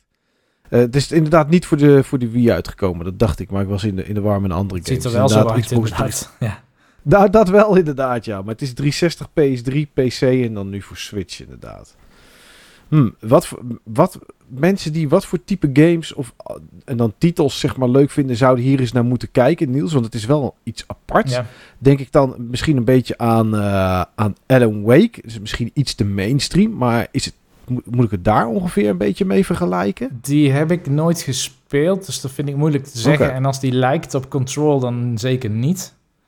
Ehm, nee, vind ik niet. Er zaten ook best wel stukken nutteloos rijden in. Eh, niet echt open wereld. Dat, dat ontbreekt dan wel. Maar ja, ook wel een beetje vreemd. Waar je ook wel een beetje. Je voelt je wel een beetje afgesneden van de, van, van de wereld in die game. Tenminste, dat vond ik. Ja. Nou, de game waar ik aan moest denken is... Maar die hebben heel veel mensen volgens mij ook niet gespeeld. Maar is Hotel Dusk. Gewoon omdat hij ook Oh ja. probeert om heel scherp... een bepaalde setting neer te zetten. Ehm, alleen Hotel Dusk is, is nog best wel serieus. En deze game, Deadly Premonition... gaat soms best wel heftig richting de comedy. Dus er zitten hele wacky characters, zeg maar, in... eh, die er ook echt alleen maar zijn... om dat vervreemdende effect te versterken. Ja. Eh, Ja. nou ja, wat, wat, welke game heeft dan wacky characters die zo'n effect hebben? Ehm, ja, misschien aspecten van Monkey Island, dat we net genoemd hoorden, hebben dat soms. Waarin je characters hebt, waarin het character aan zich interessant is, omdat je denkt, ja, dit, eh, ik ken, ja, bij heel veel games die je speelt zit iets relatables in. En die characters zijn vaak totaal unrelatable, maar wel interessant. Ja, ja, ja. Ik snap. En is het dan in hoe ze dan zich gedragen in de game? Eh, of hoe ze, ook wat, ze, wat ze aan het doen zijn? Of hoe ze er, eh, eruit zien? Hoe moeten we dat voorstellen? Ja, het, met name in hoe ze zich gedragen. En ze hebben ook, net als bijvoorbeeld iets als Majora's Mask, hebben ze echt zo'n van die, van die, die dagtaken, weet je wel. Dus ze rijden ook rond en soms ben je door de wereld aan het rijden en dan kom je toevallig een andere character tegen die dan ergens naar op zoek was. Ehm, maar het zijn characters die sterk overdreven zijn. Het zijn Het overdreven zijn allemaal markante figuren die feitelijk, eh, dat we een, een, een, een karakter... Het zijn, het zijn bijna eh, karikaturen, moet ik het zo zien? Ja, het zijn bijna karikaturen, ja. ja, ja. ja. Maar dan net niet dat je denkt, dit is een karikatuur. Het zit er net tegenaan. Het zijn eigenlijk, zeggen, twee tandjes minder dan wat bijvoorbeeld in Phoenix Wright gebeurt. eh, waarbij... Ja, absoluut. Phoenix Wright is, is heel sterk overdreven karikatuur. En dit veel minder. Maar ze doen bewust rare dingen. Dus als je kijkt bijvoorbeeld naar animaties, er zitten twee kindjes in eh, het spel. En die hebben sowieso een van de slechtste lines van voice acting die ik ooit heb gehoord. Maar die hebben ook hele idiote animaties en timing van de manier waarop ze spreken. En dat is volgens mij echt een heel bewust effect wat, wat ze daarmee deden. Want anders hadden ze zeker het opnieuw gedaan. En het zit vol met dat soort kleine quirks waarvan je denkt, hè, menen ze dit nou, weet je wel? Is zit hier nou een betekenis achter? Of hebben ze dit nou niet gezien of iets dergelijks? Hm, interessant. Oké. Nou ja, interessante titel dus. Ja. Zeker. Wel. Oké. Eh, Karel. Eh, ja, verlicht ons. Heb jij iets interessants gespeeld? Ehm, even kijken. Nou, eh, wat ik, ik- wat ik eh, nu aan het spelen ben, is Pathfinder Wrath of the Righteous. Titel zegt me wel iets, maar daar houdt het ook echt bij op. Het is eigenlijk, laten we zeggen, de, de epische vorm van Baldur's Gate. Als je Baldur's Gate, en dan met name dus 1 en 2, tof vindt, dan is, of kent, dan is, dan is het dat. Maar dan ook nog eens een keer met een soort, eh, ja, hoe zeg je dat? In dit geval een, nog een soort episch element eromheen eh, gewikkeld. Waar je in dit geval, waar geval eh, legers moet samenstellen die je dan eh, moet gebruiken om tegen eh, eh, legers van, andere, van demonen eh, moet inzetten. Om eigenlijk eh, ruimte op de kaart vrij te maken voor je adventuring party. Om dan nieuwe locaties te kunnen verkennen, et cetera. Maar het, is, het, speelt eigenlijk als het speelt eigenlijk als Baldur's Gate. Dat is eigenlijk het beste mee te vergelijken. En bedoel je met episch? Want bijvoorbeeld Baldur's Gate... Het, eigenlijk vind ik best wel een eenzaam spel. Je hebt wel een party en je hebt characters die bij je aanhaken... die ook best wel stereotypes zijn, zeg maar. Maar het is wel zo van... ik ben degene die langzaamaan een god aan het worden is. Dat is hier precies hetzelfde. Jij bent de uitverkorene. En jij bent degene die eh, al die demonen terug de hel in gaat stampen. Eh, want jij bent degene die, weet ik veel, magisch begiftigd bent. Jij bent de aanleiding dat alle anderen om jou heen ook krachtig worden. Het is, eh, het, is- exact dat. Ook wat, wat dus in Baldur's Gate dan, eh, weet je wel, eh, spoiler alert, je bent balspawn en je bent, een stuk, je bent een stuk van godheid heb je in je. Dat is eigenlijk daar ook, maar dan up to 11. Eh, daar zitten echt gewoon ook veel hele grote gameplay consequenties aan vast. Je karakter wordt daar, kun je daar helemaal een kant opwekken waarbij je echt een soort ascended being wordt. Eh, en in heel veel verschillende eh, smaakjes ook.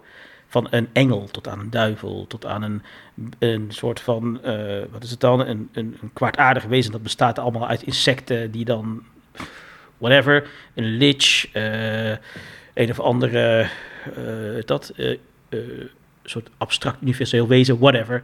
Die zit, die dat zit er allemaal in. En nou ja, dus ik zei, het speelt dus eigenlijk gewoon in, in zijn basisvorm als Baldur's Gate, maar dan gebruiken ze in plaats van D&D, gebruiken ze dan Pathfinder. En ehm, wat, wat daarin, laten we zeggen, interessant is, is dat daar dus eh, heel veel klassen zijn gedefinieerd met allemaal abilities.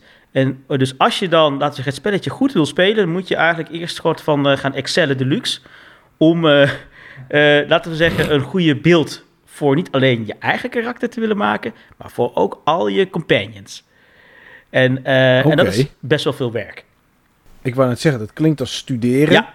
Eh, is, dat, is dat echt nodig? Of, of kan je ook Ze hebben, ze hebben. Ze hebben wel een auto-beeld. Van als je dat niet, dus niet zoekt, dan kun je zeggen, ja, doe maar gewoon de, de gewenste beeld.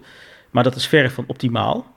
Eh, kijk, dit is, dit is dan, ja, ik, ik zit ook een beetje in de roleplay, dus ik, ik weet er wel vanaf. En Pathfinder is, laten we zeggen, is dat hyper gedetermineerd. Dus dan heb je gewoon, voor, voor, voor heel veel dingen heb je abilities en dingen die stacken en die je met elkaar kunt combineren en synergizen. En dat vereist planning.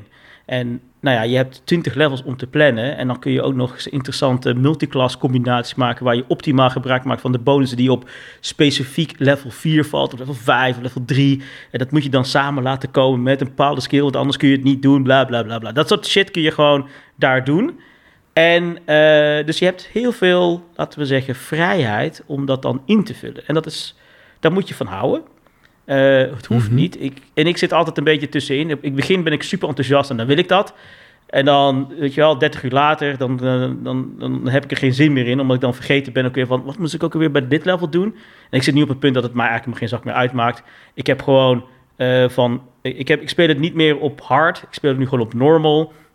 Want ik heb nu ook geen zin meer om gewoon bij elke battle daar alle skills en alle abilities die je dan hebt. En dat zijn er dan heel veel. Dus eh, Ja. je hebt gewoon eh, dat je al drie bars vol met allemaal spells die je kan casten en met elkaar kan combineren en moet gebruiken. Ja, op een gegeven moment, eh, dat, je kunt je voorstellen dat je dan, nou ja, je vond Elden Ring 120 uur veel. Dit spel zou, in, als je het zo zou spelen, de drievoudige makkelijk kunnen vullen. Maar wordt het dan geen overkill? Is dan ook Ja. niet op een gegeven moment de joy weg omdat het te veel is? Nou ja, in ieder geval bij mij wel. Dus ik heb alles Ja. gewoon. ik- En ik, kijk, ik heb de neiging om dat te willen, wel te willen. Ik wil gewoon heel in het begin heel graag dit gewoon goed spelen, omdat ik denk, ja, dit kan ik wel. Ik snap hoe dit zit. Ik vind het gaaf om het uit te zoeken en dan gaaf om te laten werken, de beelds. Maar ik al zei, 30 uur later denk ik, ik wil gewoon wel wat van de, van de game zien, weet je wel? Ik wil niet Ja. bij elke bandit die dan op een gegeven moment zegt, ah, ik heb je gevonden. En dan denk ik, oké, laten we nu, oké, waar gaan we dan? Elke beurt, weet je wel? Want ze hebben, er zit- er zit ook een, eh, het is eh, dus, eh, hoe zeg je dat? Sp- hoe noem je dat? Real-time pause. Dus je, dat is eigenlijk de basisvorm, maar ze hebben ook, er, zit ook een, er zit ook een turn-based turn-based mode in. Dus je een beetje, dus laat zoals de Divinity zou kunnen spelen. Nou, Ja. als je dat dus doet, dan, gaat, dan duurt het spel vijf keer zo lang voor elke battle. Weet je wel? Ja, precies. Ja, nou, dat, dat, dat, dat, dat doe ik niet meer. Dat doe ik niet meer. Ik doe gewoon, ik, in het begin dacht ik van, dat lijkt me leuk om het dan turn-based te doen. Maar toen zag ik al, oh, ik ben nu gewoon eh, een uur bezig om eh, deze vijf bandieten om te leggen. Dat gaat, dat gaat nergens heen. Eh, ik wil graag ook gewoon het plot meemaken en de dingen zien. En, ehm, ja, en dat is, en, is- en in het spel heeft heel veel content. Echt absurd veel content. Ehm, ik, wil, ik ben nu, ik zit al, eh, wat is het al, ik loop er tegen de 80 uur aan. Ik ben nog niet op de helft. Oké, dat is serieus wel eh, een hoop, eh, een hoop Ja. content. Ja, en het is echt epic. Dus het is echt Baldur's Gate, maar dan helemaal opgeblazen. En toege- oh ja, en er zit ook nog een soort eh, basebuilding ding in. Dus je hebt een stad waar je gebouwtjes in kan bouwen, die dan weer goed zijn voor de units die je kan produceren. En dan heb je ook outposts. dus het spel heeft heel veel verschillende lagen, dus dat maakt het ook echt heel groot. Dus het is, en ik was eigenlijk een tijdje geleden afgehaakt. Ik ben er weer opgestapt, omdat ik toch stiekem wilde weten wat er ging gebeuren. Eh, en ehm, en zoals ik het nu speel, is het eigenlijk een, super makkelijk. Want het, mijn poppetjes zijn gewoon, eh, ja, omdat ik juist sterk was begonnen, eh, Ja. loop ik een beetje over. Dus op normal is dat niks, is niks meer eng. Hmm. Ik ben allemaal eigenlijk een beetje overleveld en overpowered. Dus ik wals over alles heen. En dat vind ik eigenlijk oké. Want ik wil graag gewoon zien waar, Ja. waar het plot heen gaat. Ja, dus, ehm, maar dat is, het is wel ook tof en interessant om te zien hoe, hoe Alcat Games eh, eigenlijk dit genre heel goed in hun vingers hebben weten te krijgen. Want ze zijn begonnen met Kingmaker, dus de, de, vorige, de vorige Pathfinder. En ze gaan eh, Rogue Trader, de Warhammer Rogue Trader gaan ze doen. En die een beetje in dezelfde stijl is. En eh, ja, Rogue Trader is... ehm, dan, ja, ik weet niet of, hoe goed jullie Warhammer kennen. Eh, niet, niet bijna. Nee. Oh, ja, oké. Dit duurt lang om uit te leggen. eh, maar feitelijk komt erop neer dat je een soort eh, kapitein bent van een enorm ruimteschip. Jij hebt een vrijbrief om dan te doen wat nodig is om, nou ja, je speelt uiteindelijk voor de mensheid. Ik bedoel, het, het, is het, het, speelt zich af in, weet je wel, 4000 eh, of zo, jaar 4000 plus. Super fascistische imperium. Eh, ehm, enge monsters eh, zitten in de war, bla bla bla. Anyways, jij bent een kapitein van een soort van schip. Je hebt een soort eh, vrijbrief gekregen om dan te doen en laten wat je wil. Om eigenlijk buiten de bestaande regels om de deals te maken. Om uiteindelijk dat, de mens, dat, dat uiteindelijk de, oh, de, de survival van de mensheid eh te goede komt. En dus jij, ja, en, ehm, en is een big deal zou ik zeggen. En ik bedoel, ik, eh, eh, eh, daar zitten alle vinkjes in die ik tof vind. Kapitein van een ruimteschip. Je bent eigenlijk een soort vrijbuiter slash piratendude die nou ja, dingen kan doen. Het schip is gigantisch. Het speelt zich op een soort epic level. Dus niet meer van één bootje, een eiland. Nee, fucking groot ruimteschip waar duizenden mensen op zitten... die allemaal het niet zo erg naar hun zin hebben... maar moeten doen wat je, wat je zegt. Komt er een planeet langs en je maakt daar gewoon grote beslissingen... over wat er dan daar zou kunnen gebeuren. Eh, ja, super gaaf. Ik bedoel, speel spreekt tot de verbeelding. Ehm, Ja. Dat snap ik wel. ja, en, en wat heel cool is, is dat, het, dat je dan ziet dat dit genre dus ook eh, succes kent. Mensen weten dit te waarderen. Eh, en dat vind ik dan leuk, omdat nou, ja, ik heb een grote voorliefde voor dit genre. Ik ben een beetje, ik merk wel dat ik dan wil zeggen niet meer de aandachtspannen meer daarvoor heb om dat te spelen zoals ik dat vroeger deed. Maar ja, ik, ik vind de, de, zeg maar de scope, het epische, af, het, eh, het zeg maar, eh, super epische niveau van, eh, van avonturieren, dat, dat is gaaf. Hmm, Oké. Ik schrok wel eventjes toen ik eh, op Steam zat te kijken. Want ik zag dat er een Season Pass was. Ik denk, oh jee, wat zit hierin? Maar in dit geval was de Season Pass gewoon een soort pre-order voor drie stuks DLC. Ja. Dus, uh, dus ik dacht even, oké, wat zit hier dan in waar je een Season Pass... Misschien een beetje ongelukkige, ongelukkige naam gekozen. Maar uh, er is ook nog DLC inderdaad. En ik zie ook tussen de reviews mensen staan die er echt 600 tot 900 uur in hebben zitten. Ja. Uh, dus ja, het is, uh, ja, mocht je dit soort dingen tof vinden, denk ik dat je hier wel een, een goede game aan hebt, inderdaad. Absoluut, absoluut. Ja. ja zelf heb ik nou ja, wel iets gespeeld. En het is eigenlijk iets wat ik niet zoveel normaal zou spelen, of eigenlijk helemaal niet. Maar ja, ik ben er toch aan begonnen. waarom? Ja, het was gratis. Uh, maar ik heb wel de Season Pass gekocht van Multiverses. En uh, ja, Niels, dat is natuurlijk eigenlijk een, een clone van Super Smash. En dat vond ik nooit zo leuk. Maar ik moet zeggen dat ik Multiverses wel leuk vind. Uh, ja, wat is het? Het is, nou ja, wat ik net zeg. Eigenlijk is het gewoon Super Smash Bros. Echt een hele dikke clone daarvan. En moet ik wel zeggen dat ik Super Smash Bros. nooit zo heel erg onder de knie kreeg qua besturing. Vraag me niet waarom. Uh, misschien als ik het nu zou spelen dat het wel zou lukken. Maar destijds lukte het niet. Toen zat ik volgens mij meer in mijn Mortal Kombat-achtige periode. Dus dan probeer je... In zijn fighting games eigenlijk dat soort combo's die je probeert te maken. Maar het is eigenlijk exact dat. Het is of 1 tegen 1 of met z'n vieren. En dan uh, of 1 tegen allemaal of 2 tegen 2. En uh, ja, je moet elkaar uh, bestoken met ja, special moves, normale moves, klappen uitdelen. En op het moment dat iemand boven de 100 zit qua damage die, die, die diegene gekregen heeft, wordt het steeds, dus haakjes, iets makkelijker om uit de ring te gooien of uit de ring te slaan, uit de ring te duwen. wat je dan ook maar voor abilities hebt.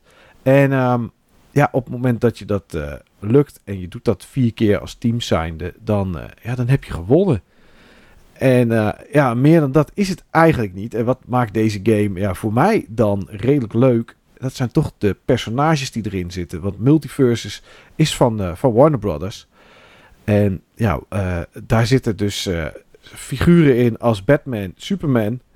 Maar ook Arya Stark uit Game of Thrones. Bugs Bunny zit erin. Onlangs werden Rick en Morty werden toegevoegd. Ja, straks krijg je bijvoorbeeld Gizmo en Stripe uit, uit de Gremlins worden toegevoegd. En ja, dat doen ze eigenlijk best leuk. Die hebben allemaal best wel aardige en interessante movesets. Natuurlijk zijn er personages die sterker zijn dan anderen. Dat is iets wat je toch altijd wel, wel zal houden. Maar de, de, ja, de, de range van figuren die ze toe kunnen voegen. En die er misschien allemaal nog wel een keer aan gaan komen. Omdat het, uh, ja, best een hoop valt onder Warner Brothers. Alles van DC valt onder Warner Brothers. Uh, ja, goed. Je, zou volgens mij uh, straks in één keer ook Harry Potter kunnen krijgen. Want die zijn ook ooit uitgegeven door Warner Brothers. Ja, dat maakt het toch wel erg interessant, moet ik zeggen. En het is ja, het is gewoon leuk om te spelen. Eigenlijk was ik niet meer zo van de potjes games. Dat heb ik ooit wel eens verteld. Ja, goed, uh, we doen deze podcast bijna tien jaar. Dus een mens verandert. En ook ik verander op dit moment weer. Uh, dus potjes games zijn soms best oké om te doen. Ja, en Multiverses past daar eigenlijk wel, uh, wel redelijk in, moet ik zeggen. Season Pass heb ik gekocht. Dus daarvoor bedankt, Johan en Sven van Praatje Podcast. Want Niels, toen wij daar geweest zijn, kregen wij natuurlijk een, een, een waardebond goed. Voor, bedankt voor je komst. Uh, ja, en dat geld heb ik gewoon uitgegeven aan een Season Pass voor een gratis game. Was en, het niet uh, zo dat jij hem kreeg voor een quiz en ik omdat ik iets ooit heb gewonnen een jaar geleden of zo? Ik denk als ik geen quiz had meegenomen en niet eten had gemaakt, ik nog steeds die bon had gekregen. Ah, okay. dat denk hey, ik, hè. Hé hey, hey Mike, ik, ik, was eigenlijk wel benieuwd wat dan, waarom dan, uh, het feit dat die karakters erin zitten, dan dit zo, ja, hoe zeg je dat? Dat dat zo sterk resoneerde bij jou. Want wat boeit het dan dat dan uh, een poppetje eruit ziet als, weet ik veel, wat is dat is voor jou tof? Batman of uh, Stark, whatever. Nou, kijk, het, het is. Um, ik ben niet van de skins. Skins boeien mij echt helemaal niet. Alleen hier zitten natuurlijk ook de moves bij. Van uh, die. Nou ja, sommige personages zijn natuurlijk wel personages die, die vechten. Zoals een Arya Stark. Uh, die, die ziet eruit als Arya Stark. Heeft ook haar needle, de zwaard, het zwaard uit Game of Thrones. En heeft daarmee een soort rogue-achtige moves. Oftewel, damage van de achterkant doet meer dan damage van de voorkant. Ehm, maar heb je, eh, ik noem maar wat, eh, de Iron Giant. Ja, het is natuurlijk gewoon brute kracht. Die slomer en die is meer een tank. Eh, Ze hebben ook classes allemaal. En, en dus het zijn niet zozeer de karakters die mij aantrekken, als wel de, tenminste hoe ze eruit zien, als wel de karakters die ze genomen hebben, plus de moves die ze daar dan bij bedacht hebben, die dan eh, resoneren bij hoe je ze kent uit tekenfilms, films, series en dat soort dingen. En dat vind ik wel interessant.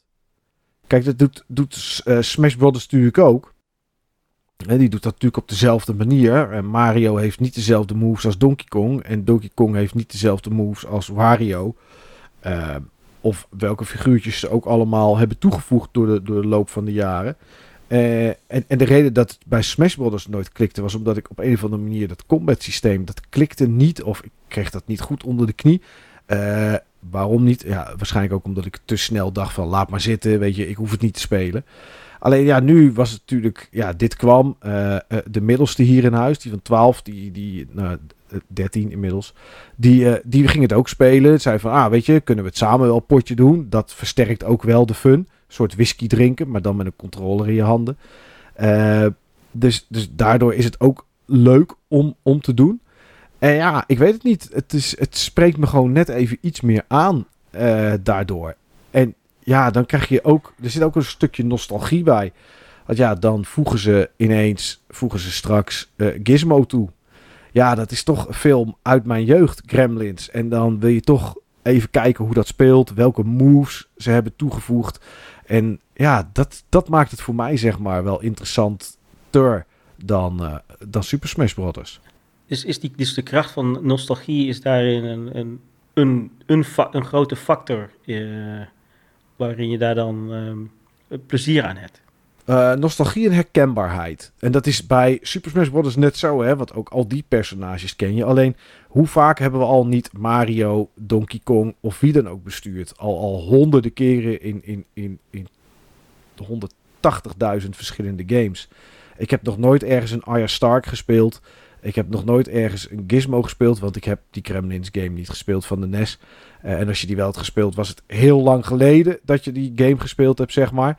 Eh, dus eh, het zijn personages die erin zitten die je misschien niet zo vaak ziet.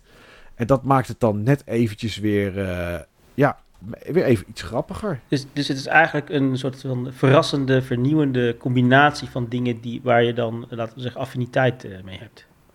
Ja, ja nou ja, ik, ik, ik, ik neig wel naar de personages te kiezen waar ik iets mee heb. Ik speel bijvoorbeeld nooit met LeBron James. Niet omdat ik LeBron James niet ken, of omdat ik basketbal niet tof vind. Vind ik heel tof. Alleen ja, die, die pak ik dan net niet om mee te spelen. Eh, Shaggy bijvoorbeeld, eh, zo van, van Scooby-Doo. Ja, dat vind ik dan wel grappig. Ik kan me niet heugen dat ik ooit met hem als personage heb gespeeld in welke game dan ook. Ik wil niet zeggen dat er geen games zijn, maar eh, ik kan ze zo snel even niet noemen. En ja, dan, dan vind ik dat toch grappig om daarmee te spelen. En eh, ja, en dat, heb ik, dat boeit bijvoorbeeld bij een Warzone of zo. Noem maar even iets waar je natuurlijk ook skins hebt en andere personages. Daar boeit het me helemaal niets. Waarom? Ja, het zijn ook voor mij niet-zeggende personages. En hier heb je dat toch iets meer. Dus het is, het is wel een nostalgie, herkenbaarheid. Ehm, ja, en dan het idee Bugs Bunny tegen Arya Stark. Nou ja, het idee vind ik natuurlijk op zich ook wel grappig. Ondanks dat ze alle twee hetzelfde uitzien. Maar je dat op tv of in een tekenfilm eh, nooit zou zien, zeg maar. Dus ja, het is een beetje die combinatie, denk ik. Dus het is, het is gratis te spelen. ehm, op volgens mij alle platformen. Ik weet alleen niet of het op Switch is. En ehm, eh, je krijgt twee of drie personages krijg je, krijg je gratis. Of krijg je gratis, die zitten er gewoon standaard in. En dan kan je nog wel passes kopen en, en, en, en uitbreidingen en dat soort spul om ze allemaal te hebben. Of je gaat gewoon in-game coins verzamelen. Er zitten dagelijkse quests in. Er zitten wekelijkse en maandelijkse quests ook in. Daarmee kan je best aardig geld verzamelen. Ik geloof dat eh, Killing Raptor van het Button Bashers Forum... die heeft alle personages unlocked. En volgens mij heeft hij er geen euro aan uitgegeven. Dus, die, eh, dus dat is best te doen. En die heeft ook genoeg goud op dit moment staan... dat als er nieuwe personages komen... dat hij ze kan vrijspelen. En ja, Batman tegen Harley Quinn... tegen Arya Stark en Tom en Jerry... ja, op zich is dat best grappig om te zien wat ze daar dan eh, mee gedaan hebben. Dus eh, ja, zeker omdat het, eh, omdat het niks kost, eh, ja, kan ik eigenlijk iedereen aanraden om het misschien een keer te proberen als, eh, als een fighter. Die, waar je bij geen combo's uit je hoofd hoeft te leren, eh, interessant is. Eh, we- moeten jullie nog iets doen of gaan we door naar het hoofdonderwerp? Wat mij betreft hoofd. Ja, Karel schudt ook ja. Ja hoor. Ja, red je het nog een beetje, Karel? Ik weet niet hoe, hoe- of je... Ik vind het heel boeiend. Ik vind het eigenlijk heel leuk om, de, om eh, eh, nou ja, in dit geval eh, jouw eh, eh, beleving van gaming te horen. Ik bedoel, ik ken Ja. van Niels ken ik natuurlijk ten voeten uit en tot in den treuren. Ik bedoel, Tot in de treur, hè? Ja, ik bedoel, dus, dus datgene wat Ja. je net vertelde was voor mij niet verrassend, want daar hadden we al een keertje over gehad. Maar ik vind het, eh, dus ja, ik, eh, maar ik vind, heel, ik vind het, ik vind het heel, heel leuk om te horen hoe, hoe, hoe, ja, waar dan jouw spelkeuze op gebaseerd is en hoe jij daar dan mee bezig bent. Want ja, zoals ik al zei, ik, ik zou die keuzes nooit maken. Ik zou denken, Nee. voor mij is multiversus trash namelijk. Ja, dat snap ik. Dat snap ik ook. En het is, het is ook niet geweldig.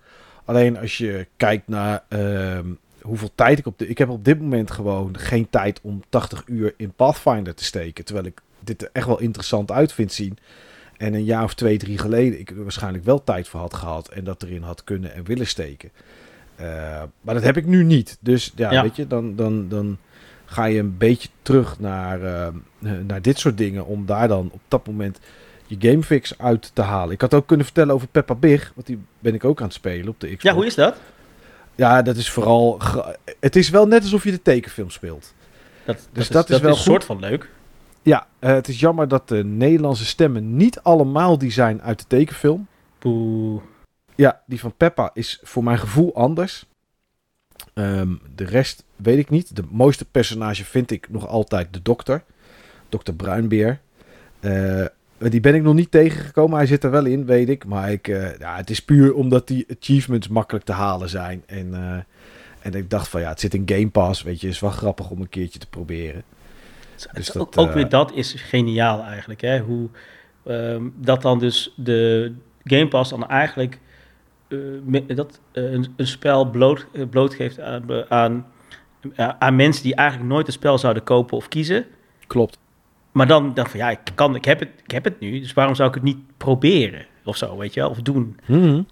En dat is interessant, want ehm, kijk, het, natuurlijk het, het probleem van de hobby is, is dat je dan, als je dus allemaal bewuste aankopen moet gaan maken de hele tijd, dat je dan wel kiest voor de dingen die waar je dan zeker weet waar je plezier aan hebt. En, dat, en dan een uitstapje maken ingewikkeld is. Ja. Z- zeker nu. Je, echt wil. Wat, serieus, als je dan een genre waar je nog nooit, nog nooit iets mee te maken hebt gehad, en dan moet je zeggen, nou, kies maar een spel uit in de winkel. En dan denk je, ja, er zijn duizend titels die in dat genre vallen. Ja, nou ja, vroeger keek je gewoon naar de, naar de cover natuurlijk. En, En Power eh, Limited. Ja, ja of, of een magazine inderdaad.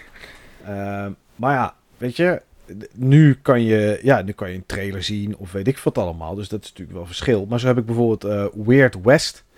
Heb ik zo gespeeld op Game Pass. Eh, ik dacht van, nou weet je, ik ga het gewoon proberen. Ik heb 2,5, 3 uur gespeeld of zo.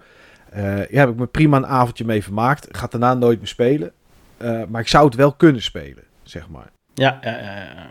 Ja, dus ja, het is, dit is zeker interessant. Ja, ja ik, ik, ik denk dat je daarmee ook, hoe zeg de, de, de, als, als we praten over de opvoeding van gamers, als het ware, Ja, eh, dat je door middel van dat soort type, eh, laten we zeggen, abonnementen, eh, mensen een, laten we zeggen, toch een breed, breed, brede smaak weet te cultiveren. Hmm, vraag ik me wel af. Althans, dat hoop ik dan. Ja, ja, ja, dat zal voor iedereen anders zijn. Maar als ik kijk naar, een, nou ja, dat is het enige voorbeeld dat ik heb, naar hier in huis, zeg maar. Ehm, ja, die middelste die gaat vaak achter mijn Xbox zitten. En dan gaat hij wel door Game Pass heen. En dan ziet hij iets en dan denkt hij, oh, dit ziet er tof uit. Hij installeert het. En dan weet ik van tevoren al, nou oké, dit is geen game voor hem. Dat weet ik nu al. Eh, probeert het heel even, valt het tegen, haken ze snel af. En wat wordt het dan? Dan wordt het toch weer UFC 4. Gewoon een beetje mensen in elkaar beuken. Eh, en, dat, en dat is het. Terwijl daar 400, 500 games tussen zitten. En ik zeker weet dat als die tijd zou nemen en de rust zou vinden. En ik denk dat dat iets is wat deze generatie niet meer heeft. Want eh, kijk maar naar TikTok. eh, dan, dan is daar, ontbreekt daar toch zeg maar ja, die verbreding ontbreekt daar wel in. Nou ja, kijk, het, is wel zo in dit voorbeeld dat hij het wel heeft geprobeerd. Kijk, en dat hij dat dan ja, vindt tegenvallen, ja, dat is dan hoe het is. Ja, maar Eh, wat is proberen? Is een half uurtje, is dat proberen? Vind Ja, ik, kijk, ja, echt. ja, ja, ik zie het, kijk, nee, waarschijnlijk niet. Ik, ik bedoel, eh, maar doet het wel in plaats van dat hij al op voor, weet je wel, van tevoren al zegt, Mhm. dit is niks voor mij. Ja, dus- nee, Dus dat, daar, is, dat, daar is, de, waar. weet je wel, de deur staat op een kier. En dat vind ik dan, denk ik, dat, dat vind ik dan bemoedigend, weet je wel. Eh, want ja, weet je wel, de- zeker nu, ja, opnieuw, hè, zeker nu, man, we- spellen gaan over van alles. Weet je wel, er zijn zoveel toffe dingen om te ontdekken daarin. Eh, echt, met toffe makers en eh, die je op heel veel verschillende niveaus eigenlijk probeert aan te spreken op, eh, op onze behoefte om spelletjes te spelen. En, ehm, ja, en dan zo'n ding wat dan Niels net, over vertelde. Ja, dat is natuurlijk ja, fantastisch eigenlijk als je erover nadenkt. Dat dat kan, dat het er is geweest. En dat je dan daarin, door middel van, dat, dat, van dat, dat, en dat het iets, echt iets anders biedt dan ja, zomaar mensen in elkaar rossen als het ware. Deadly Ja. Premonition eh, doel je op. Ja, ja, ik heb Deadly Premonition, ja. eh, eh, en zo zijn er natuurlijk een heleboel, heleboel andere games die dat op een, op een eigen manier dat doen. Hmm, zeker. Ja, ja, ja, dat is wel zo. Nee, het is, wat je zegt klopt. Het is goed dat hij het inderdaad wel probeert en dat hij het niet op voorhand al afserveert. Maar als je dan kijkt, zeg maar, naar, als ik dan vergelijk naar streamingdiensten. eh, ik heb Netflix nu opgezegd, want de enige die keek was hij. En het enige wat hij keek was voor de zesde keer seizoen 4 of zo van The Flash. Dus het, het blijft Wat? wel een The beetje... Flash?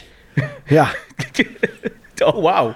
ja. Die zag niet en dan, en dan skippen door de episodes heen, want dit stukje is niet zo tof. En dan denk ik van, ja, weet je, er zit dan toch wel een hoop herhaling ook in. En toch een beetje blijven bij hetzelfde. Maar goed, wat ik in het begin zei, eh, toen ik het over de Game Room had. Ja, weet je, hij wilde wel een keer een avond Amiga spelen. En een avond Commodore 64 en NES. En dus het zit er wel in. En als er dan iets tussen zit waar je, wat, wat hij misschien interessant vindt, kan ik altijd zeggen, joh, als je dit soort games nou leuk vindt.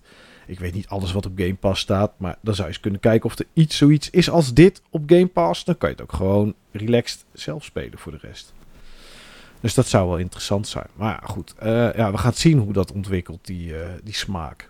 Het is wel een interessant ding hoor, om, eh, om naar te kijken. Ja, zeker. Want is het die, die, die twintiger eh, van jullie dan? Is die, eh, hoe, zit, hoe zit die erin?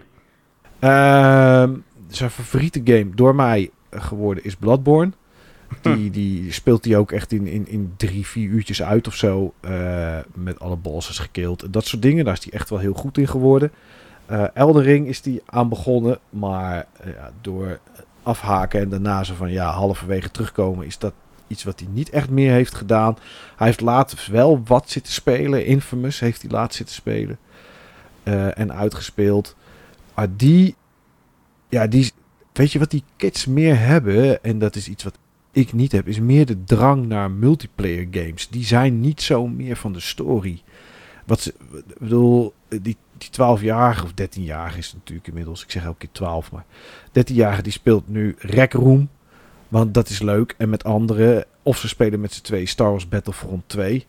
Want dat is dan leuk tegen anderen. Of GTA eh, online. Mhm. En, die zei en hij zegt, weet je, dat is dan ook de kijk die, die, die zij, zeg maar, tenminste die 13-jarige erop heeft. Die heeft dus zoiets van, ja, eh, hè, ze zijn natuurlijk bezig nu met GTA 6. Nou, wij, wij drieën weten allemaal, als geen ander, dat daar een verschrikkelijke grote en misschien wel interessante, want dat is maar net smaakgericht, story mode in gaat zitten. Want ze moeten, hè, Rockstar zou dat nooit uit kunnen brengen zonder een epische story. Ehm, en er komt natuurlijk dan een GTA Online 2, of hoe ze het ook gaan noemen. Maar omdat in zijn belevingswereld stories en, en singleplayer games maar saai zijn, denkt hij van, ja weet je, eh, GTA 6 wordt gewoon straks alleen maar een online game. Het zou kunnen dat ze een verhaal verweven in een online wereld, maar het wordt, het zou, dat zou natuurlijk kunnen, ik hoop het niet. Ehm, maar dat, dat gaat nooit gebeuren met GTA 6. Maar dat is wel hoe hij, zeg maar, naar games kijkt. Als het niet Nou, met, met of dat- tegen anderen is, dan vindt hij het saai. Nou, ik, ik, snap dat, ik, bedoel, ik snap dat ook wel erg. Hè. Ik bedoel, ehm, het is natuurlijk ook een stukje, een stukje van, laten we zeggen, dat sociale, eh, de sociale behoefte of het sociale leven zit daar natuurlijk dan ook in dat soort type games. Hè. Uh, Ja. Het is natuurlijk, en, en, het beleven, en ze beleven het ook in een hele andere context dan wij dat hebben gedaan. Ik bedoel, Mhm. ik heb het altijd ervaren als eh, zolderkamertjesactiviteiten. Ja. En eh, dat je dan achteraf eh, een keertje met iemand gaat kletsen die daar eh, oh, dat ook heeft gespeeld. En dat je dan keihard gaat nerden op wat je dan wel niet hebt gezien en hebt ervaren. Zo van, oh ja, wist je, en toen je dit deed en ja, en toen heb je het geheim ontdekt. Ja, dat- en toen gebeurde dit. Ja, dat is super vet. weet je wel? En dat is nu heel anders, want het is natuurlijk een onderdeel van. eh, het is gewoon, laten we zeggen, eh, wat ehm, eh, voor ons was, was gaming natuurlijk een soort underground iets. Terwijl Zeker, nu is gaming ja. pop geworden. Het is gewoon een onderdeel van je cultuur, dat, wat is het dan? Culturele consumptie. Ja, ja het is, er zijn weinig mensen. Ik bedoel, mijn moeder doet het ook. Ja, goed, is dan wel Word on op de mobiel. Eh, er is meer multiplayer. Zij speelt meer, multiplayer dan dat ik doe. Ja. Maar ja, iedereen speelt wel tegenwoordig een spelletje. Dus dat klopt inderdaad. Ja, het is heel normaal geworden. Ja. En dat, dat was het inderdaad niet. Ik bedoel, ik zat ja, met mijn Commodore 64 en dan zat ik eh, iets van de disk in te laden. En dan zei ik de volgende dag tegen iemand op school: Ik heb dit gespeeld. Oh, dat heb ik niet. Nou, dan maakte hij een kopietje en dan kon diegene het ook spelen. En dan ging je het een keer met z'n tweeën misschien spelen, joystick doorgeven. Eh, en dat was het, zeg maar inderdaad. Dus ja, dat klopt. Die, die, wereld is, is helemaal veranderd. En daarom vind ik het ook wel interessant om te zien ehm, hoe ze het beleven en bedenken. Wat daarin, wat, wat in hun ogen dan eh, een nieuwe GTA gaat zijn. Ja. Ja, Ja, ja, ik, ik, voor mij is het, dat- ik, ik, ik, kan er, ik kan er ook niet bij eerlijk gezegd hoor, bij, eh, bij dat aspect van gamen. Dat is echt helemaal niks voor mij. Eh, het enige wat, wat ik zou denken, wat misschien mij nog een, een keer die kant op zou kunnen trekken, is Destiny misschien. Om, omdat eh, de wereld die ze daar eh, hebben neergezet, die, die, die trekt mij wel. Ik vind de stijl gaaf en eh, een soort van, eh, wat is het dan, space fantasy-achtige eh, toestanden. Met, eh, en, en, eh, en, daar, en daar schieten op dingen en nou ja, weet ik veel. Het ziet er allemaal gaaf uit. En ja, eh, het is multiplayer met een story. Dat zou ik nog, zou ik nog kunnen doen, denk ik. Ja, Misschien ooit. Maar als het alleen maar gewoon puur multiplayer is, zoals dat GTA, eh, GTA Online is, nee, dat, ik kan er echt helemaal niks mee. nee, nee, ik ook niet. Nee.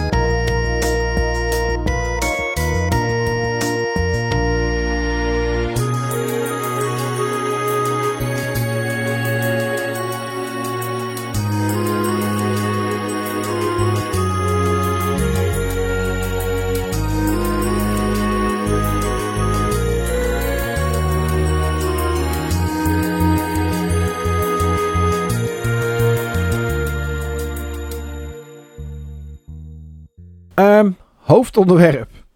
Ja, een eh, soort centrale vraag met daarom een beetje vraagjes eromheen en eh, waarschijnlijk discussie genoeg. Ja, ehm, niet echt iets heel duidelijks, maar ja, vroegen ons eigenlijk af, tenminste eh, Niels en ik. En dan ga ik die, die, die vraag eens eerst maar aan jou stellen, Karel. Hoe lang denk je eigenlijk nog games te spelen? Ik weet niet hoe oud je nu bent en hoe lang je al gamet. Maar ja, hoe lang denk je dit eigenlijk nog te blijven doen? Ja, kijk, in mijn geval is het natuurlijk, eh, eh, ja, het is ook mijn beroep, hè. Dus eh, dit, ik vrees dat ik pas ga stoppen wanneer ik de pijp uitga. Dat het Hmm. gewoon niet meer kan. Ja, ik heb eigenlijk wel mijn, mijn leven en mijn carrière wel verbonden aan het medium. Eh, eigenlijk alle, ja, ik, ik noemde net eh, de lijst op van de dingen die ik doe. Ja, die hebben alles met, alles met games te maken. Dus ja, het zou heel raar zijn om te zeggen, nou, dan ga ik gewoon fucking tuin- tuinieren of zo. Ik weet het niet. Ik denk niet dat, dat, ik, denk niet dat ik de, de hobby ooit zal opgeven. Nee, maar je zegt ik vrees. Wil dat zeggen dat het dan toch af en toe aanvoelt als een moedje? Nou, kijk, ik, uh, het, is, het, is meer dat, het, dat ik me steeds...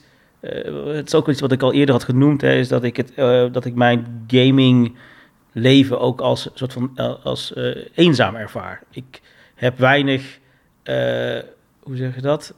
de dingen die ik leuk vind zijn, dat is, dat is duidelijk niet voor iedereen weggelegd. En, en dat, dat is lastig. Dus maar wel mooi dat het er is. Het is lastig, maar het is ook mooi dat het, dat het er wel is. Dat zeker. het gemaakt wordt. Ja. Zeker, zeker. Um, kijk, en, en, wat betreft, laten we zeggen, het spelen van uh, nieuwe spelletjes en een nieuwe console, ja, dat zal nooit stoppen. Het er, sterker nog, het wordt alleen maar, denk ik, erger. Ik bedoel, um, ik ben, laten we zeggen, niet gestopt met het kopen van een nieuwe console of een nieuw ding. En uh, en dat je dan nog eens een keer uh, voor de grap het ding nog een keer koopt, maar dan weer net in een andere vorm, zodat je denkt, ah, misschien is het de, de betere vormfactor. Dus daar zit een soort obsessieve, laten we zeggen, hobby uh, dingen in, waarbij je op, zo op zoek bent naar, laten we zeggen, het ultieme aspect, het, het ultieme, whatever that may be. Mm kijk, en ik zit er ook in vanuit een soort, ja, wel, vanuit het beroep ook. Ik probeer eigenlijk altijd, ja. altijd te kijken naar van wat, wat is eigenlijk wat het spel doet. Wat hoe, hoe, gebruikt hij de, de, elementen van het spel om dingen te zeggen of dingen te doen of whatever. En wat ik zelf het meest gefascineerd vind, zijn eigenlijk de spellen die een bepaald soort het niet, niet bewandelende pad representeert. Ehm, dus games die eigenlijk op dat moment, in, op het moment dat ze uitkwamen, iets interessants doen, maar eigenlijk de rest van de, de wereld het totaal heeft genegeerd en gezegd heb... nou nee, we vinden eigenlijk dit een veel interessanter genre. Dus wat jij daar hebt gedaan, dat, uh, dat doet er nu even niet meer toe. Um, Oké, okay, noem eens een voorbeeld van zoiets, zeg maar, waarbij je dat had. Um, even kijken. Uh, ik, ga, ik zal eventjes een, uh, een, een, een, spel uit de oude doos pakken. Robo Rascals. dat is uit de tijd van... het is van de maker van... Um, Mule, dus dat is Danny Bunting. Ja.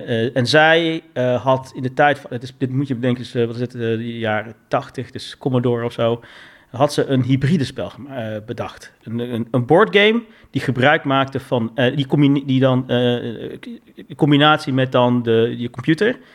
En, um, en ja, ik ik ben, eventjes, ik ben even de details precies vergeten, maar je had dan kaartjes en het is een multiplayer game, dus je gaat dan met z'n allen rondom de, de, die Commodore, staat dan op je tafel of zo. Ik weet niet precies wat dan de, het idee erachter was.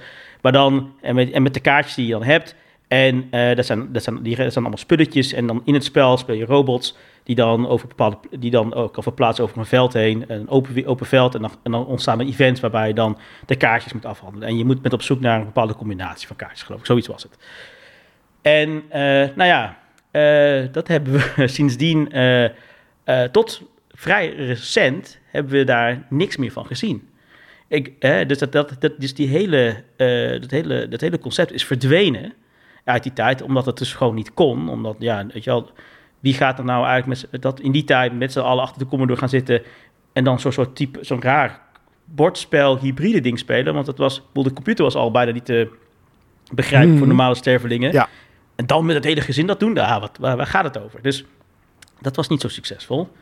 Um, terwijl nu, nu zie je, uh, ja, weet je wel, zie je gewoon langzaam, uh, en dat is niet zonder enige vorm van uh, controverse, zijn, er, zijn er boardgame hybrides, zijn er zijn, waarbij de, de, laten we zeggen, de digitale component integraal is aan de gameplay. Um, en, uh, dat, en dat begint langzaam een soort van tractie te krijgen. Uh, en dat is ook dat is fascinerend. En, dat, en dan praten we dus over, wat is het dan? 40 jaar of zo. 40 jaar ja. dat het bedacht is. Nou, dat, is toch, dat is toch, dat, dat, ja, dat is dan zo'n voorbeeld, dat vind ik dan fascinerend. Weet je wel? En hmm. waarom vooral waarom toen niet en nu wel? Weet je wel? Uh, en waar dat dan mee te maken heeft. En, ja, was toen misschien tijd te ver vooruit. Dat blijkt dus, hè? Ja. Ja. Dat blijkt dus. Maar wat maakt nou uiteindelijk dat, het, dat, uh, dat bepaalde dingen dan, uh, laten we zeggen, van, van iets wat obscuurs pop wordt? Ik bedoel, ik had volgens mij vorige week of twee weken geleden met Niels nog een hele, had ik een hele rant over Elden Ring. Ja. dat dat eigenlijk het spel echt nergens op slaat. Dat dat nee. dus totaal niet voldoet aan moderne standaarden van wat we vinden dat een game is. En, en ja, dat het eigenlijk het design is uit, weet ik veel, eh, begin 2000 of zo. Of nee, nee, 1999, whatever. Eh, een je- beetje hetzelfde gevoel als, waar, als de engine waar de game op draait. Ja, ja, en, Ja. En, en er zitten dingen in waar je dat nooit zou accepteren eh, bij, een, bij, bij een andere game. Het feit dat er bepaalde dat, eh, eh, eh, key mechanics die gewoon totaal missable zijn. Zoals bijvoorbeeld de carving knife, die kun je, die kun je gewoon skippen. Je weet niet dat dat belangrijk is als je, als je het spel begint te spelen. Die, kun je gewoon, die moet je kopen. Ja, en voor mij wordt er wel iets gezegd dat, je dat, dat dat handig is, maar je kan het ook niet kopen. En dan kun je het spel zonder die carving knife spelen een heel stuk. En dan denk je, ik mis iets. Ja, dat klopt, want je hebt dat mes niet. Eh, dat soort dingen, dat zou, zou, dat zou, dat zou, dat zou bij, de, eh, weet je wel, dat zouden we nooit accepteren bij, eh, wat is het dan, iets moderns, weet ik veel, Assassin's Creed of zoiets. Nou ja, Zo van- tenzij je hem niet 100% nodig hebt om de game uit te spelen. Eh, ja, dat, kijk, dat, dat is discutabel natuurlijk, hè. Ik bedoel, ja. ja, weet je wel, de crafting is best wel belangrijk. De summons, bijvoorbeeld. Die kun je, Ja. wil ik, iemand moest tegen mij vertellen dat die, dat, die, dat, dat die heks in dat kerkje zat, waar ik gewoon helemaal niet had gezien dat dat een ding was. Pas na, weet ik veel, tien uur kwam ik achter van, oh, dit is wel handig om te hebben, want ik had een mage gemaakt. Dus ja. Eh, Eh, ja, dan is het wel handig dat je iets hebt wat kan tanken. ja, dus, dus nou goed. Anyways, eh, mijn punt hierin is dus vooral ehm, dat ik dus dat, dat soort dingen fascinerend vind, weet je wel. Dus om te zien wat nou uiteindelijk dus de, onze, onze nieuwe pop wordt. Wat iets wat eigenlijk mega obscuur is en eigenlijk niet kan. En bijna denk ja, hallo, niemand, niemand wil zo'n zo'n game spelen. En dan, bam, Elden Ring. Of eigenlijk, eigenlijk daarvoor Dark Souls. Weet je Ja. wel, ook zo'n bijna zo'n anti-game. Ik, ja, dat is helemaal niet hoe we, weet je wel, hoe we toen games wilden spelen. Dat moest makkelijk zijn, er moest heel veel handholding zijn. eh, weet je wel, het moest een soort superpower fantasy zijn die voor iedereen toegankelijk was. Nou, bam, Dark Souls. Voor niemand toegankelijk. Voor niemand Nee. toegankelijk. Dit was eigenlijk het moment dat de ware gamer eigenlijk eh, zoiets had van... ja, dit is eigenlijk wat ik altijd had gemist. En opeens bleek Ja. dat iedereen een ware gamer te zijn... die alleen maar, weet je wel, hardcore uitdagingen wilde, weet je wel. Die wilde gewoon alleen maar pijn. Of, of probeerde een ware gamer te zijn. Wat niet heel veel mensen lukte het. Nee, klopt. Ja, ik, ik, kan, ik kan echt helemaal niks met dat spel. Echt serieus. Ik, ik, ik echt verschrikkelijk. Ik wil, ik waardeer het wel voor wat het doet met mensen die daar dan helemaal op, op losgaan. Maar Ja. ik vind het echt vers- een verschrikking. Ik weet je wel. Ik denk, ja, ik, ik heb het geprobeerd. Ik had geen zin meer om mezelf te pijnigen. Ik denk, laat maar. Ja, ja, ja. Nou ja, snap ik wel. Ja, ja oké. Ja, het is interessant om er op die manier naar te kijken. Ik ben er ook op gaan letten trouwens, sinds die discussie met Karel. Die Ja. overigens veel de- doortastender was dan nu. Nu houdt hij het heel op de oppervlakte nog. Zeker. Maar ehm, eh, ik keek bijvoorbeeld naar eh, eigenlijk wat ik een heel leuk stuk vond in Elden Ring. Dat is die Academy. Ja. En als je, als je uitgaat van wat moet een level artist weten tegenwoordig, zeg maar, om een goed level neer te zetten. Eh, want een level is niet meer alleen maar gewoon een soort omgeving maken waarin een, gameplay kan plaatsvinden. Maar het, het gaat dan ook over iets vertellen over de omgeving. Nou, dat komt meestal dan nog wel goed. Mhm. Alleen, ehm, ja, er staan bijvoorbeeld heel veel potten of zo. En die staan Ja. letterlijk overal. En er zijn zoveel potten dat je eigenlijk helemaal niet kan inschatten wat überhaupt de functie van de omgeving is. Vulling. Ehm, hm? Vaak is het alleen maar vulling. Ja, ja, inderdaad, het is alleen maar vulling. Maar het heeft, het, er zitten helemaal geen visuele cues in het level design over waar überhaupt het level voor is. Zeg maar, wat de functie van het level is of wat je als speler zou moeten weten over het level om iets te kunnen bereiken. Dus eigenlijk wat Karel zegt klopt. En dat zit in heel veel aspecten van Elden Ring. Je zou die aspecten nooit accepteren in een andere game dan Elden Ring. Of een From Software game. Maar ehm From Software heeft zichzelf weten te profileren op een manier dat we dat als kwaliteit zien, in plaats van dat we dat zien als een mankement van een spel. Ja, en ze hebben feitelijk natuurlijk... eh, dit is gewoon Kingsfield, hè, even voor alle duidelijkheid. Dat gewoon Ja. tot in de treuren gewoon is... Heront, weet je wel? Een, wij zijn nieuw, opnieuw is gemaakt in een nieuwere vorm. Maar hier hebben ze gewoon, weet ik veel, 20 jaar of zo, 20 jaar plus aan gewerkt. Totdat er een soort kritieke massa is ontstaan, dus eh, Dark Souls. Dat, men, dat het uiteindelijk, weet je wel, het juiste moment, eh, de juiste tijd, juiste plekachtige verhaal is geworden. Waarbij het opeens een nieuw, nieuw genre is geworden, weet je wel? Dat was het punt. En daarvoor was dat iedereen zich gewoon raar aan te kijken en zeggen, hey, ja, Kingsfield, dat, dat, je, dat je als super nerd, Kingsfield, fantastische game, blablabla. Iedereen denkt, ja, dude, uh, what the fuck is dit? Ja. Waar gaat het over? Waarom ziet het er zo janky ass uit? Ik wil, weet je wel, het, het, het, dat, en dat is zo wonderlijk, hè? Weet je wel, het, het, is eigenlijk wat, het is eigenlijk wat uh, Suda eigenlijk altijd beweerde, we maken punk games, weet je, anti, maar dan, deed, dan deden ze het er ook echt om, terwijl uh, dit, terwijl dit authentiek eigenlijk een beetje punk is in die zin. Zij zijn gewoon van, ja, dit is onze game, dit is wat het maakt, wij hebben scheid aan gek genoeg zijn wij in staat om, dat, om gewoon dit te blijven financieren. Ik weet niet precies hoe dat heeft gewerkt, maar daar, het is wel knap. Echt heel knap om dan te zeggen: wij gaan blijven gewoon dezelfde type games maken. Gewoon voor ons 30 jaar lang. Voor elke generatie hebben we bescheid aan uh, waar het heen gaat. Nou, kudos. Ik denk dan dat dat is eigenlijk denk nou, ik, voor elke wel, developer. Natuurlijk. Dat is wat elke developer zou willen, weet je Dat je gewaardeerd wordt om je eigen stem, je eigen stijl. Dat is volgens mij het summum wat je kan bereiken als, ja. uh, als maker. Je moet ook een beetje denken wel aan, aan Deadly Premonition. En volgens mij bereikt Dark Souls dat wat Deadly Premonition ook heeft. Dus het is suboptimaal in alle onderdelen. Maar daar waar het om een bepaalde esthetische ervaring gaat, die voor een grote groep kennelijk heel aantrekkelijk is, in ieder geval bij de uh, Souls games, daar komen dingen wel bij elkaar, waardoor dit kan. En waardoor je ook minder sensitief bent voor de fouten. Nou ja, eigenlijk zijn dan de fouten juist dan, laten we zeggen, een kwaliteit van die beleving, weet je wel. Um, kijk, en, en dit is dan dus ook de reden waarom ik dan dus ook nooit zal, zomaar zou stoppen met spelen van games. Ik bedoel, uh, je ziet gewoon keer op keer, ik bedoel, ik had het niet kunnen voorspellen, word verrast, ik had het niet kunnen voorspellen dat dit dan een ding zou zijn. Ik, ja, voor mij, ik, ik heb, ik, heb, eh, ik, heb het ook dus gespeeld, maar het is echt ook niks voor mij. Ik vind echt, ja, ik kan, ik kan gewoon niet omgaan met het feit dat het totale bullshit is. Uh, ik bedoel, oh ja, het, weet je wel, de, de, de dingen eromheen, die, die, die, slaan voor mij helemaal nergens op. Vind ik gewoon echt, oké, dus, dus George R. Martin heeft hier de backstory voor geschreven. Dus daar hebben ze echt een flinke zak geld aan hem gegeven om dat te doen. En daarna hebben ze eigenlijk zijn verhaal verkracht naar iets wat totaal fucked up is. En dat zijn we nu aan het spelen. Dat is toch wat we aan het doen zijn, toch? Ja? Ja. Ja. Dat nou, klopt. Wie verzint dat? Serieus, wie verzint dat?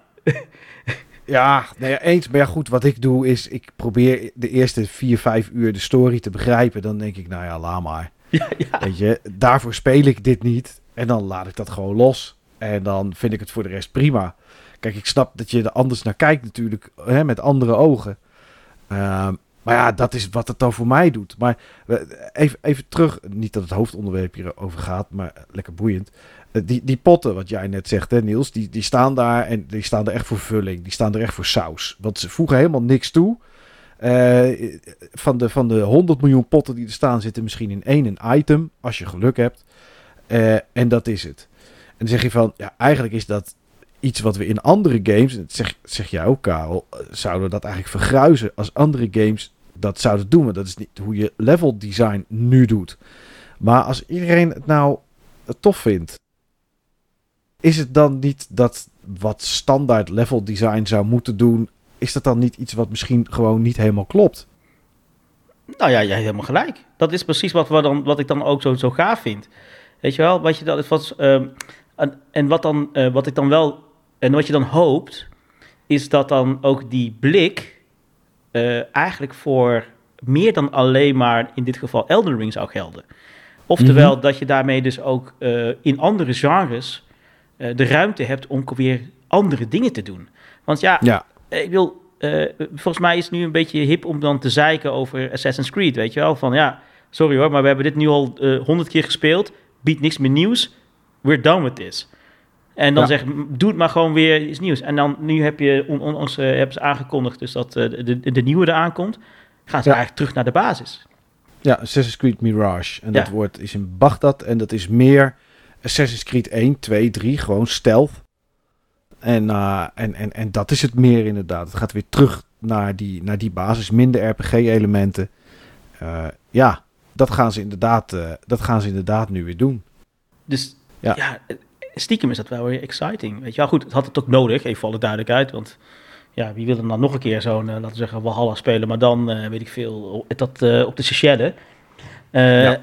Maar ehm, het, het hoort bij de cycle van, laten we zeggen, van de groei van het medium. En kijk, en ik, en, en, ik hoop, en eigenlijk is dat een beetje onzin, want ik, het is er eigenlijk al. Ehm, de, weet je wel, er zijn gewoon, er is voor iedereen een game.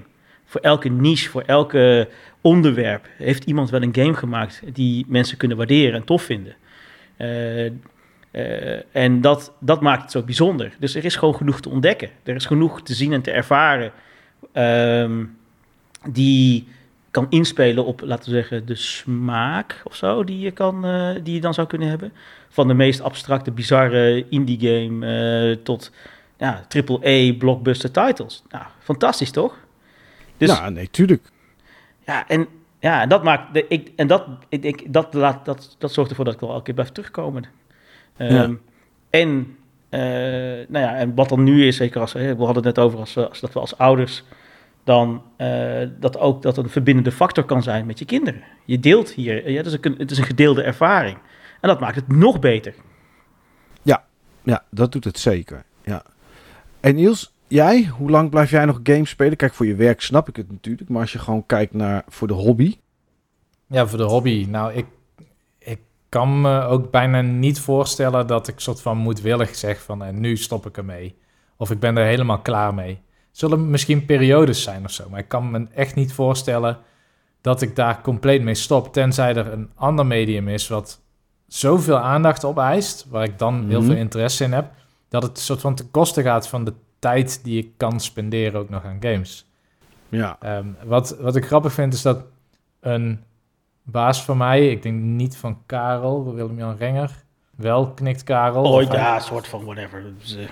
Oké. hij kent hem in ieder van, geval. Van, van een lang geleden, zeg maar. Die had ooit een heel mooi argument. Want het ging ook over, met name toen, toen games opkwamen en toen um, bedrijven nog dachten van, van we moeten hier iets mee of we willen juist hier helemaal niks mee.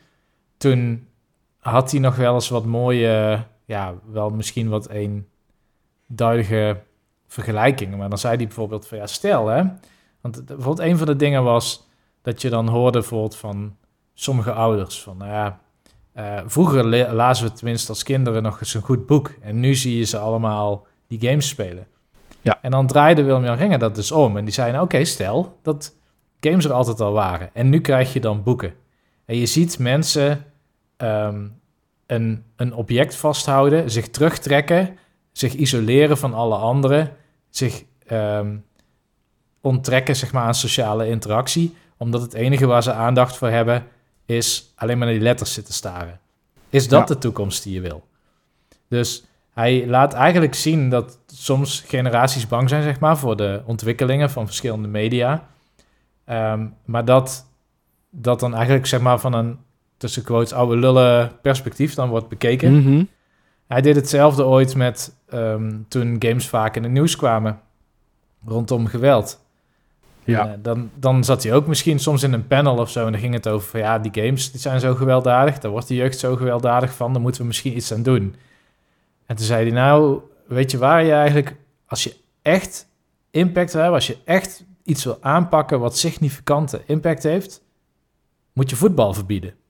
Want voetbal, daar worden mensen pas gewelddadig van. Zie je regelmatig in het nieuws de, de bussen met supporters die met elkaar uh, aan de knok gaan, dingen die in brand worden gestoken. En dat zie je dan niet bij games bijvoorbeeld. Dus hij kan af en toe heel. Het zijn platte vergelijkingen, maar het laat soms wel zien dat de groei van een medium soms wordt gezien als iets tijdelijks of zo. Terwijl het gewoon iets kan zijn wat heel pervasief straks is. En wat er gewoon blijft. Wat gewoon een nieuwe maar, taal is. Het is wel grappig dat je dat, uh, dat, je dat, uh, zeggen, het perspectief zo breed trekt. Eigenlijk is het namelijk zo, de reden waarom je dat gebruikt, is dat onze cultuur al lang, uh, laten we zeggen, ondergedompeld is in spelen. Mm -hmm. precies het voorbeeld van voetbal, dat is gewoon super normaal. nou, en en gaming is maar gewoon een, laten we zeggen, een vorm geworden die zich uitzonderlijk heeft geprofileerd en in een vrij korte tijd. Uh, ja, en uh, dus ik ben van mening dat dit, dit, is, dit, zit, dit, is, dit is gewoon zit in ons aard van de mens. We hebben, voordat we hebben kunnen lezen, hebben we al spelletjes met elkaar gespeeld. Waarschijnlijk. En, ja, iets met steentjes of, eh, of weet ik veel wat. Ja, ja precies. Eh, dus eh, dus dit, dit blijft gewoon erin zitten. En kijk, en ik denk ook dat het ook. Ik vind het zelf niet zo waardevol om eigenlijk dit. Dat je, al, dat, je dat allemaal zo in, in die, die zuilen zet. Weet je al? Eh, videogames, boardgames, roleplaying games, eh, sport. Voor mij, voor mijn gevoel zijn het eigenlijk allemaal, zijn eigenlijk allemaal, hetzelfde. Het zit alleen maar in. eh, we hebben ze alleen andere plekken gegeven in onze cultuur. En daardoor praten we erover alsof dat aparte dingen zijn. Maar goed, eh, we weten als geen ander dat, nou ja, bijvoorbeeld eh, eh, eh, dat, de boardgame, dat de boardgaming en videogaming gewoon in elkaar overlopen. Ik had er net wat voorbeelden voor, ge- eh, nou, voor gegeven, al niet heel concreet, maar in ieder geval, die lopen door elkaar heen. Mensen gaan van videogames naar boardgames en weer terug. Eh weet je wel, video, boardgames die over videogames gaan, videogames die over boardgames gaan. Weet je wel, dat zit er allemaal al in. Eh, nou, eh, Pathfinder is een voorbeeld van een roleplaying game dat vertaald is naar, naar een videogame. En dan weer andersom ge- geïnspireerd, weet je wel. Dus dit is fluïde. En, en je ziet gewoon overal, je ziet ook wel, ja, ik weet niet of het echt waar is, maar goed, eh, als je kijkt naar nieuwe technologische ontwikkelingen en dat het een nieuw medium wordt, het eerste wat we daarop gaan proberen te doen om te kijken of het dan echt blijvend is, is of we erop kunnen spelen. Ja. ik bedoel, maar ja, eh, dat was, dat was vroeger al. Ik bedoel, kijk naar de Commodore 64. Eh, het- hè, dat was natuurlijk begin jaren 80. Ja, waar werd dat ding het meest voor gebruikt? Om spelletjes op te spelen. Terwijl, Ja, Terwijl het wel verkocht werd om spreadsheets te maken. ja, eh, eh, eh, en mijn opa die maakte, die, had op de wc had hij niet een verjaardagskalender die gekocht was bij, bij de kruidvat of zo, maar die printte met geos zijn eigen verjaardagskalender. En dan met een kadertje eromheen en een plaatje erboven. Nou ja, dat, dat heb ik nooit gedaan met dat apparaat. Ik heb er alleen maar games op gespeeld. Maar ja, dat is toch wat we erop gingen doen. Terwijl je op de 64 best je boekhouding kon doen. Maar niemand deed het. Precies. Dus, dus, dus weet je wel, ik denk dus het is eh, onvermijdelijk om daar, eh, op, weet je wel, om daar op een of andere manier aan verbonden te blijven. eh, te blijven. Ik bedoel, misschien kunnen we het geven, misschien de hobby videogaming dan misschien een keertje op, eh, op weet je wel, omdat je denkt, ja, ik weet niet, niet meer wat het is, ik, kan er hier niks mee. Maar ik kan me niet voorstellen dat je je kan, helemaal kan afsluiten en zeggen, ik stop gewoon überhaupt met spelletjes spelen. Dat geloof ik echt. Dat lijkt me heel moeilijk. Ja. Als mensheid of wij? als mensheid, is één, in het algemeenheid, maar ook wij als, laten zeggen, oude lullen die erover aan het praten zijn. Ik bedoel, de reden, ik bedoel, het feit dat we zitten hier en we praten erover, hè, dus de, voor, de liefde voor, eh, voor de hobby is te groot. Eh, er Ja. moet toch echt iets ja, gebeuren waarbij, waarbij het onmogelijk is om, om dat te kunnen. Weet je wel, zeg van ja, eh, weet je wel, de, weet ik veel, interventie van God en die zegt, ja, ik neem alle spelletjes van jullie af. Oké, sorry, dan, dan gaat het niet. Maar dan gaan we toch stiekem even die steentjes toch wel bij elkaar pakken. En kijken of we daar dan toch een spelletje mee kunnen spelen. Ja, Weet ik. Gauw knikkeren. Ja, dus we gaan het toch Ja. doen. We gaan het toch doen. Dus Ja. ja, eh, ja, ik weet niet. Eh, en ja, we zijn- ik bedoel, Niels, we zijn, zijn we dan ook niet te, we hadden het ook over, ik bedoel, we hebben het over gaming, maar, we hebben, maar er zit natuurlijk ook nog dat hele andere aspect van het verzamelen en al die andere dingen. Dat zit er ook nog eens een keer. Waarbij je niet eens het spel hoeft te spelen, maar dat je het hebt, dat dat eigenlijk al genoeg is. Ja. Dus Nee, nou ja, eens. Ik denk ook dat, dat... Ik bedoel, voor mij ook, hoe lang speel je nog games? Ja, weet je, het is nu minder dat ik op dit moment kan spelen. ehm, eh, of wil spelen. Dat is ook nog iets, natuurlijk. Eh, dat, dat- kijk, het neemt bij mij wel af qua... eh, er zitten bij mij twee aspecten aan. De drang neemt af omdat... Nou ja, wat, wat ergens in het begin deze, van deze podcast al een keer ge- gevallen is door Niels... Ehm, ehm, we hebben natuurlijk zoveel al gezien. We hebben zoveel gedaan. We hebben zoveel genres al gezien. Je, je haalde net Kingsfield aan, eh, Karel. Ja, die skeletten die je daarin in dood en die weer opstaan. Ja, die zaten ook nog in Eldering. ja, En die hebben ze gewoon meege... En, en zo'n soort blob. Zo'n soort zwarte olievlek. En de ene keer is die groen. En de ene keer komt er wel poison uit. En de andere keer niet. Zaten ook al in Kingsfield. En die zitten ook in Eldering. Dus ja, weet je. We zien al heel lang... Het is dan een, een makkelijk voorbeeld. Maar we zien al heel lang... Zo lang, zo vaak, zoveel. Hetzelfde. En dat gaat de komende twee, drie jaar echt niet veranderen. Dat blijft gewoon zo. En op een gegeven moment is er wel een keer een punt dat je bepaalde dingen, denk ik, zat ben. Tenminste, kijk, voor mij is het anders. Voor mij is het puur hobby. Bij jullie zit natuurlijk nog werk in. Maar er zijn games die ik vroeger heerlijk vond om te spelen. eh, Waar ik nu echt niet meer aan zou beginnen. Eh, PlayStation 1 tijd. Noem, noem neem een Deathtrap Dungeon bijvoorbeeld of zo. Zo'n generieke third-person action game. eh, waar Sony nog steeds heel goed in is om die te maken. of te laten maken. En het ook nog heel goed doen. Zoals Horizon Forbidden West. Eh, Ghost of Tsushima. Noem ze maar op. Hè, die generieke PlayStation exclusives. Om ze maar zo te noemen. Ja, daar heb ik, min, daar heb ik minder drang. vind je ze generiek? Dat is wel, dat is wel een, een vrij eh boute uitspraak. Nou, dat, dat, dat, ja, qua wat het mij brengt. Kijk, het ziet er anders uit, zitten er andere systemen in. Eh, maar ik vind het allemaal wel een beetje hetzelfde worden, ja. Ja, dat vind ik wel. Hm. Wat het voor mij doet. Ja. Kijk, voor andere mensen is dat niet zo, hè. Maar ja, het is natuurlijk, zit natuurlijk toch altijd de persoonlijke smaak aan. Maar goed, wat Ehm. let je dan om dan te zeggen, nou dan gaan we toch gewoon, zoeken we toch een andere game op. Ik zei, Nee, eh, klopt. Da- da- en dat doe, ik, dat doe ik dus ook, hè. Alleen, eh, eh, twintig jaar geleden speelde ik het allemaal. Omdat, ja, toen was het misschien nieuw. Of toen waren er nog niet zoveel van dat soort games. Of ze deden net genoeg om het op dat moment niet hetzelfde te laten zijn. Maar neem bijvoorbeeld Horizon Forbidden West of Horizon West. Ik weet niet eens meer hoe die eerste heette. Hoe heette die eerste? Was het niet Horizon Forbidden West? Toch? Of Zero Zero? Dawn.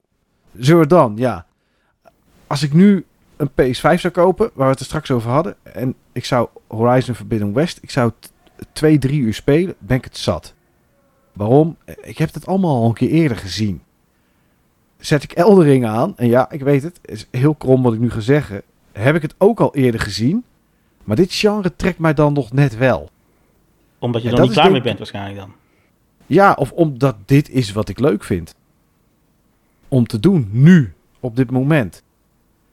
En daardoor denk ik dat eh, ik, ja, op de vraag hoe lang spelen wij nog games, dat ik dat nog heel lang blijf doen, maar wel anders. En nou, niet anders, maar minder, omdat er bijvoorbeeld genres zijn die ik door de tijd heen heb laten vallen. En dit is er dan eentje van, zeg maar. En bedoel je met minder dan selectiever of echt gewoon minder intensief? Minder. Uur. nou, op dit moment, ja, dat ook. Op dit moment, omdat er andere dingen zijn. Kijk, eh, daar speelt privéleven speelt natuurlijk een grote rol. Ehm, eh, Kim heeft, op- gaat pff, over twee weken of zo, gaat ze beginnen met een opleiding. En die gaat werken bij Holland Casino. Dat is veel avond en ook nachtwerk. Dan zijn er dus straks misschien drie of vier avonden in de week dat ik nou niet alleen thuis ben, want die kleine ligt natuurlijk altijd in zijn bed. Die gaat niet mee naar Kim de werk. Dat kan niet als die drie is. Ehm, dus, dus er is wel iemand thuis. Maar dat ik mijn avonden anders ga invullen. Dan ga ik waarschijnlijk wel weer wat meer gamen.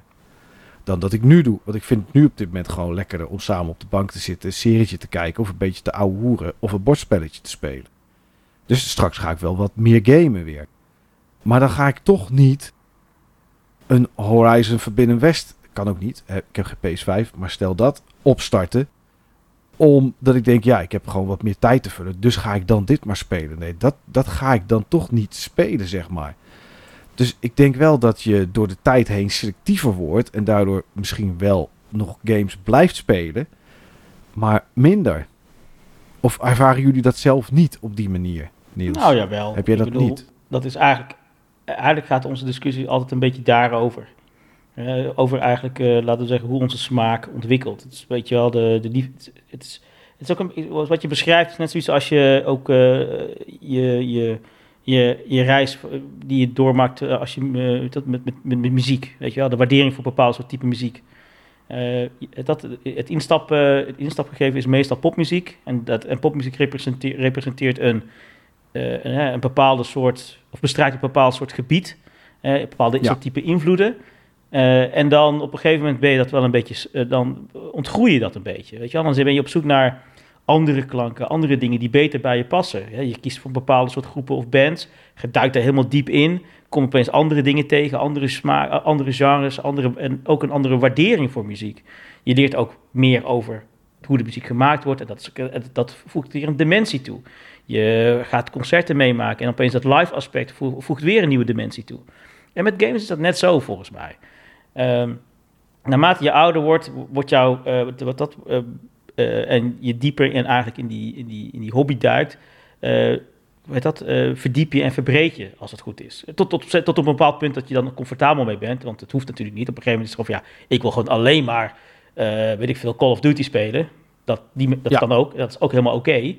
Maar, ehm, weet je wel, het heeft in ieder geval, de, onze hobby heeft duidelijk de de diepte en de breedte om daar alle kanten mee op te gaan. En precies wat je zei, van ja, je hoeft dat, je, kijk, je, het mooie is, je hoeft geen Horizon te spelen.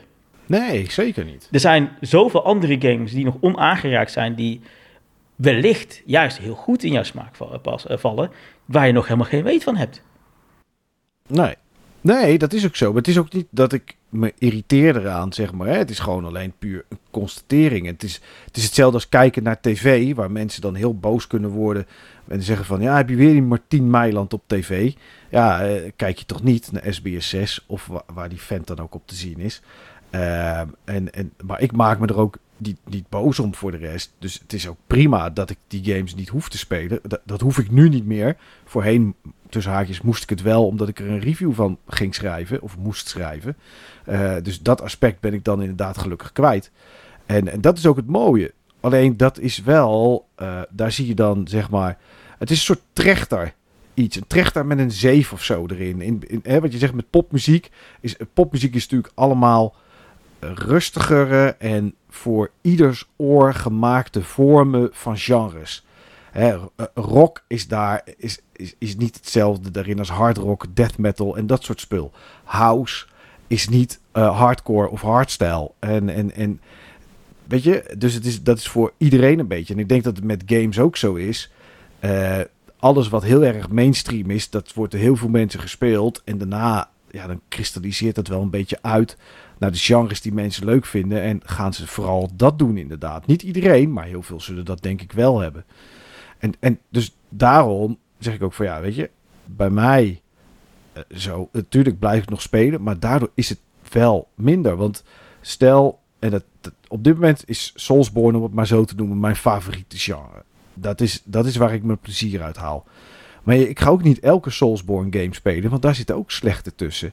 Dus op een gegeven moment, ja, hè, is er gewoon, denk ik, voor mij in ieder geval minder om te spelen. Of ik moet um, in één keer een game vinden of een genre dat ik, waar ik bijna niks mee heb gedaan, of nog nooit wat mee heb gedaan, omdat ik dacht dat is niet voor mij. En ineens klikt het wel. Hè, dat zou natuurlijk kunnen. Alleen, ik, ik denk dat daarom ik gewoon minder speel. Ja, grappig dat je dat, dat dan op die manier dat ziet. Dat je denkt van ja, er is minder te spelen. Terwijl ik dan denk van ja, er is juist oneindig veel te spelen. En het is alleen, de, je moet daar dan wel, laten zeggen, de, uh, hoe zeggen dat? Effort voor doen om die te vinden. Dus het is dan, uh, je moet dan als het ware echt op onderzoek uitgaan om dan die dingen te vinden die je tof vindt. Dus je moet eigenlijk, laten we zeggen, andere soorten uh, kanalen raadplegen om daarachter te komen. je moet of in het verleden duiken, of je moet, weet ik veel, mensen die feitelijk een bepaalde soort zelfde smaak hebben, en die vind je op YouTube bijvoorbeeld, whatever. Um, om daar te, daar te komen. En dat is in ieder geval hoe ik dat doe, om mijn, uh, laten we zeggen, mijn uh, interesse te blijven aanwakkeren, is mm -hmm. daar kennis van te nemen. En ook uh, te verdiepen in dingen die, die ik zelf tof vind. Hè, de, de, de, de makersgeschiedenis van de, weet ik veel, de Persona games proberen te doorgronden. deep dives of analyses van mensen te, te beluisteren. Om dan eigenlijk datgene wat ik tof vind opnieuw te, te leren waarderen bedoel, dat is het eigenlijk de hele tijd met de hobby, weet je wel. Het is... Uh, ja. En, ja, en je kunt dus, wat ik al zei, alle kanten mee op. En ik denk dat misschien dat stuk... Het is... Uh, ik denk dat wat, wat, wat, je, wat je benoemt misschien meer een fenomeen is van... Het is nu niet meer zo... Het, dat je eigenlijk van het vanzelf, vanzelfsprekende... dat je daar zat van bent. Hè, dat je, wat dan, dat wij als het ware makkelijk in, uh, laten we zeggen, de, uh, in de queue kan... omdat het gewoon no-brainers zijn. Zo van, oh ja, dit komt eruit, het is allemaal mijn smaak... En dat je op een gegeven moment daar nu een soort van klaar mee bent. En dat, het dus niet zo makkelijk, dat ze niet zo makkelijk zichtbaar zijn. Of misschien herkenbaar zijn. Of dat je zegt, ja, eigenlijk alles wat ik nu kan herkennen of makkelijk zie, is niet meer voor mij. Want dat is gewoon klaar. En dat je dus ja. nu misschien van uh, spoor moet wisselen, als het ware. Om andere leuke dingen te vinden. Hmm. Ja, nou ja, dat, tuurlijk is dat wel zo. En dat, uh, dat, dat gebeurt, dat, hè, dat doe je ook wel. Je kijkt, je, je kijkt, je kijkt echt wel om je heen. En ik, ik, kijk nu meer naar indie dan dat ik dat voorheen deed, zeg maar. Omdat je toch ziet, hè, als er iets verandert, is het daar. Is, is het niet bij Sony. Uh, of is het niet bij Microsoft. Dat is, dat, hè, daar zit te veel achter dat geld moet verdienen. Uh, en, die, en ja, uh, die verandering, dat is toch wel wat je af en toe nodig hebt. Uh, ik in ieder geval wel. Maar misschien is Unexplored 2 wel iets wat mij dan in één keer tikkelt. Hè? Dat, zou dat, hoop, dat, dat, hoop ik. Dat hoop ik. Dat hoop ik. Dat hoop, ja. ik, dat hoop ik dat dat bij veel mensen doet. Heel veel mensen. Kijk, uh, het is zo grappig dat je net zei van, nou ja, bij de grote bedrijven, dat, daar moet het geld verdienen. Ik kan je zeggen, bij de kleine bedrijven moet dat ook hoor. Wij willen snap ook ik, heel graag snap ik. dat geld verdienen. We hebben alleen iets minder nodig. Dat is het misschien. Nou ja, weet je, uh, uh, vaker hè, bij, die, bij die Indiërs natuurlijk, het, het, zal niet bij alle zijn, want tegenwoordig zijn er zoveel, is het natuurlijk niet de primaire, het primaire idee om een game te maken, is niet om er geld mee te verdienen. Is misschien de hoop uh, denk ik, en dat, uh, misschien is dat een romantisch beeld wat ik mezelf voorhoud. Dat zou natuurlijk ook kunnen. Maar dat is, ja, dat is toch een, een, beetje wat ik, wat ik dan hoop als ik een nieuwe indie zie. Ik denk, die doet iets interessants. Dat iemand dat wil maken omdat het er niet is. Of omdat hij iets nieuws wil proberen. En dat het op een gegeven moment dat iets wordt waar geld mee verdiend moet worden of kan worden. Ja, dat is dan een tweede. Ja, maar, dat is wel, dat is bij ons zeker het geval. Wij zijn, ik bedoel, we zijn gewoon we zijn natuurlijk volledig gestoord om eigenlijk zo'n onderneming aan te gaan voor zo'n lange tijd. Dat zo ingewikkeld is, met zoveel risico. Uh, zeker. Ja. Weet je wel, het, de, de, de, de passie voor het maken, de passie voor, weet je wel, het, het, de, de voorliefde voor het medium. Uh, en uh, dat we vinden dat, en dat is misschien ook een beetje eigenwijs dan wel arrogant, dat we zeggen, ja, dit moet er ook echt zijn, omdat we vinden dat het iets nieuws moet komen. Um, dat zit er zeker in. Absoluut. Ja. Absoluut. Uh, dat, is, dat, dat, is, dat is wel de hoofdmoot, inderdaad. En, dat het ook, en wat ook belangrijk is, dat het van, van jou is. Hè, er zit een ja. soort ownership, een soort auteurschap in. Dat is wel ook wel belangrijk. Uh, kijk, en dan, uh, ja goed, dan, en dan hoop je op een bepaalde waardering, weet je wel. Dat je daarmee de mensen vindt die, dit, die, dit, die er iets mee kunnen. En ja, het grappige dus is, is dat het, dus, dus het, het is gewoon mogelijk, weet je wel. Uh, de, niches, de niches in de niches, die zijn ja. viable. Weet je wel? Dus, dat, het, dus het zou moeten kunnen. Weet je wel? Dat is tenminste, ja. dat is dan het geloof, dat, is het geloof dat ik dan heb. Ja, ja, ja, ja, ja. Uh, hoe zit dat bij, jou, Niels? Is die trechter waar ik het over heb en, en de games, zeg maar, die, die het, nou, het spectrum aan genre qua breedheid, is dat er nog net zoals voorheen? Of ben je inmiddels ook wel dingen gaan laten vallen, omdat ze gewoon, ja, Weet je, daar ga ik niet meer aan beginnen, joh. Mm, ja, ik herken het wel. Nu is het wel zo dat ik me ook best wel bewust ben dat ik die trechter dan zelf heb gebouwd. Dat het soort van self-fulfilling prophecy wordt. Als je denkt van, ja, dit vind ik leuk, dan kijk je kanalen die dat ook meer promoten. Dan train je algoritmes die dat dan ook meer gaan voorschotelen. En zo merk ik inderdaad, dat, dat kun je ook wel zien als je mijn gamecollectie zou zien. Dat is veel monotoner dan, dan dat je misschien zou verwachten. Van vroeger uit. Toen ik nog bijvoorbeeld Street Racer van Ubisoft zou kopen. Omdat ik denk, hé hey, leuk, grappig. Hier kun je met een kereltje met een tulband op een vliegend tapijt... kun je, kun je een sumo-worstelaar slaan. en, en dat, nu ja, zou dat is toch mooi? Ja, maar dat, dat soort uitstapjes maak ik nu minder snel. Uh, ik ben veel kritischer over waar ik geld aan uitgeef. Tegelijkertijd eigenlijk ook weer niet als je het op sommige vlakken bekijkt. Want dan ben ik een genre dat vertrouw ik bijna blind. En dan koop ik dan zo'n beetje alles wat er ook maar een klein beetje interessant in uitziet. En Karel is mij nu al een paar jaar aan het overtuigen dat ik echt een Warriors game moet gaan spelen. Omdat dat eigenlijk heel erg gaaf is. Dat is waar. Wat die Warriors Orochi uh, dingen. Oh, ja, eigenlijk alles wat op wat waar het, uh, het predicaat Warriors op staat. Dat is... Oké, okay, ja. Nee, ga maar door Niels. nee, maar het is wel... Het, het is, het, ik, ik merk wel dat ik zelf een rol speel om die trechter te vernauwen, zeg maar. Waar dat niet hoeft. En soms, dan merk ik, en daar heb ik dus afgelopen tijd last in gehad... en dan heb ik het weer heel erg druk gehad... dan is er heel weinig wat mij prikkelt om te gaan spelen. Ik heb het wel vaker over gehad, dat ik vaak bij een energie of een prikkel of zo... kies wat ik dan wil gaan doen. Dat het een heel andere game kan zijn als ik het heel druk heb dan als ik het heel rustig heb. Of um, als ik uh, heel erg moe ben of als ik heel opgewekt ben. En dan merk ik gewoon, oh ja, mijn repertoire van dingen die ik eigenlijk heb, spreekt mij op dit moment niet aan. Voor de behoeften die ik op dit moment heb. En dan ga ik in, dan moet ik heel veel moeite gaan doen om erachter te komen en wat dan wel. Ik weet dat het er is, het bestaat, want alles bestaat. Wat ik leuk zou kunnen vinden. De niche Ja. van de niche van de niche, waar Karel het over heeft. Dat is soms degene die je nodig hebt. Maar ja, daar was ik dan even gesloten voor. Zit dat ook niet, een, ik wil, als je dat zo beschrijft, hè, zit dat dan ook een beetje een soort van de thrill of the hunt in? Dat je op zeg maar eh, probeert, je doet onderzoek in, gaat kijken van, eh, oké, wat is de game die misschien, die, die niche die ik dan nog niet heb gezien. En dat dat dan eindelijk ook, dat ook een grote, laten we zeggen, factor is waarom je gemotiveerd bent om dan dat spel te pakken. Ook al, nou ja, zou is het moeilijk om in te komen of niet per se wat je normaal gesproken gewend bent. Maar dat het ook maakt dat je denkt van ja, ik ben wel committed. Ik heb, ik heb er gewoon eh, uren ingestopt om het te vinden. En dat is eigenlijk dan, wordt dan dus onderdeel van de hobby eigenlijk dus ook. Dus niet eens het spelen, maar gewoon het feit dat je daarop eh, gaat hunten. Zeker, zeker. Maar dat, dat wordt ook vaak weer een trechter op den duur. Dat, dat resulteert vaak in zoiets.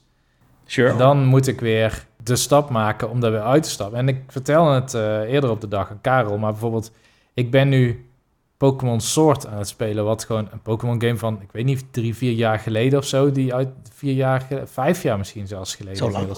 Oh. Ja, dat is best wel oudere game of zo, maar dat is de pop. Dat is de, de mainstream, zal ik maar zeggen. En ik zoek het eigenlijk niet meer op dat niveau, omdat ik denk dat ik ergens in, diep in die trechter moet gaan zoeken om iets te vinden wat in mijn behoeften voorziet. Maar nou blijkt gewoon Pokémon dat heel prima te doen. Ik vind het heel relaxed om te spelen. Het past precies in, in mijn ritme als ik 's ochtends opsta en het koffie zet en eventjes een stukje doe. Ik kan altijd precies weer van een gebied naar een gym komen of van een gym weer naar een nieuw gebied komen. En dan denk ik, ja, waarom had ik me hiervoor eh, tijdelijk, zeg maar, afgesloten of iets dergelijks?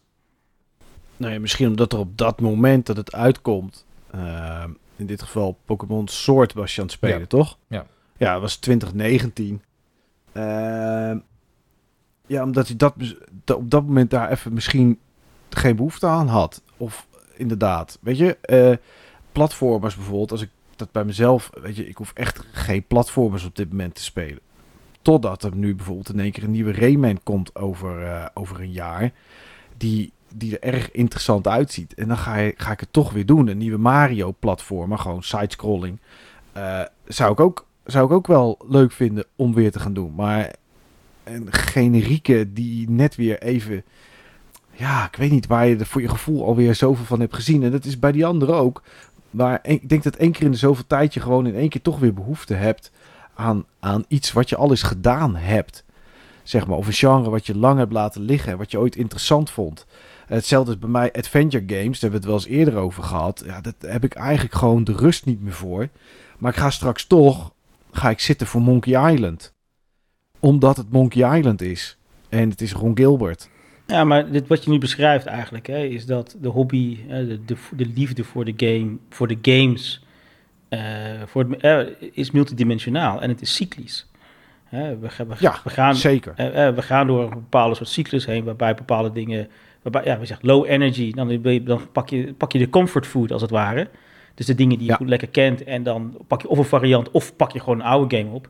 En op het moment dat je behoefte, denk je van ja, ik heb nu het allemaal weer gezien, ik ben het een beetje zat en ik wil iets fris of iets nieuws, dat je dan ook de moeite wil doen om het te vinden.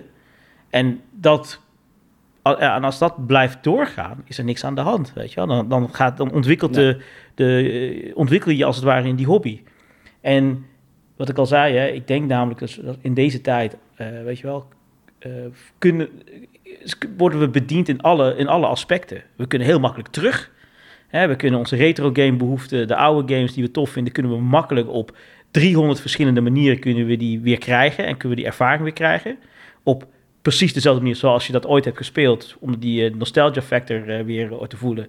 Maar ook weer in een soort ongekende nieuwe manier, die dan misschien door een remaster opnieuw op, kan herbeleven op, op een wijze die je voorheen ja, dat iets nieuws biedt. Hè?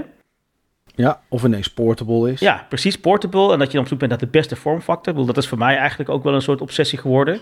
Zo van, welk spel eh, is eh, zeg maar, is, eh, welk spel heeft dat, heeft dan, en dan zoeken naar de meest optimale setup, weet je wel, wat de optimale hardware. Is het op een Steam Deck? Is het op de Switch? Is het op een PC? Op een console? Met welke knopjes, welke weet je wel, input devices, wel, hoe groot moet het Mhm. scherm zijn? Ja, dat is het. Ergens voelt dat, is dat ook nog een aspect van de, van de hobby waar je nog helemaal in kan verdiepen. En helemaal in kan losgaan. Dus we worden op alle aspecten worden we bediend. En dat is eigenlijk super gaaf. En ik denk, ja, wat ik al zei, er moet echt, volgens mij, ik bedoel, als ik ook eh, zo hoor, ik bedoel, je, van, hoe- dit is, je hebt een nieuwe game room. Dat is eigenlijk ook weer een soort cyclisch iets, hè? Eh, je raakt al die objecten weer aan. Je hebt weer dat gevoel. Het wordt weer aangewakkerd. En weet je wel, de, opnieuw de, de, de voorliefde voor al die dingen die je hebt verzameld, dat, dat, dat herbeleef je weer, weet je wel. Dus ja, het is heel, ik denk dat het, denk als ik zo voor ons allemaal zou spreken, heel moeilijk gaat zijn om dat allemaal los te, willen, los te laten. Dan moet echt, va- bij wijze ons hele huis gaan afvikken, alles kwijtraken. En eh, weet je wel, weet ik veel, eh, dat Games onze moeder heeft doodgeschoten, bij wijze van. Zoiets erg, zoiets raars. Dat, dat, om dat te zeggen, oké, dan stoppen we er maar mee. Nee, ja, dat, dat denk ik ook wel. Ik denk dat we. ik denk wel, maar dat is denk ik met alle hobby's. En dat, Niels zei dat er straks ook al. Dat altijd wel iets is. Dat je periodes hebt dat het meer en dat het minder is. Ja, en het Dat- ontwikkelt dat- zich dus, hè? Dus het- dat is dus het ook een ding. Elke keer als je, zelfs, zelfs al ga je dezelfde dingen weer doen, je, het, het is weer op, het is soort weer een soort van, op het moment dat je het doet, is het weer een herbeleving. En dan, en dan gaan er weer bepaalde andere aspecten komen weer naar voren. Die krijgen nadruk. En dat zorgt ervoor dat het dan inter- weer opnieuw interessant wordt. Of niet. Dat, eh, en dan ga je weer verder. Eh, Ja. ja, en nou ja, goed. Hè, en, zolang, en dan ook nog eens een keer, als je dan nog eens een keer over kan ouwe hoeren met mensen. Ja, dan, dan ja, wat, wat is de reden om dan, dan erover op te houden? Want om ermee te stoppen. Ja. Eh, nou dat is. Kijk, ik zie het aan een kameraad van mij. Die heeft heel lang gegamed. Heel veel. Eh, heeft nu PS5, Xbox Series X staan. Maar die, die zoekt daar minder in. Of die is misschien nog minder snel tevreden. Ik weet niet hoe je het moet noemen. En ja, die kijkt dan vooral naar. Nou ja, laatst kwam de nieuwe Saints Row uit. Eh, een- nieuwe Assassin's Creed. Naar de echte grote titels.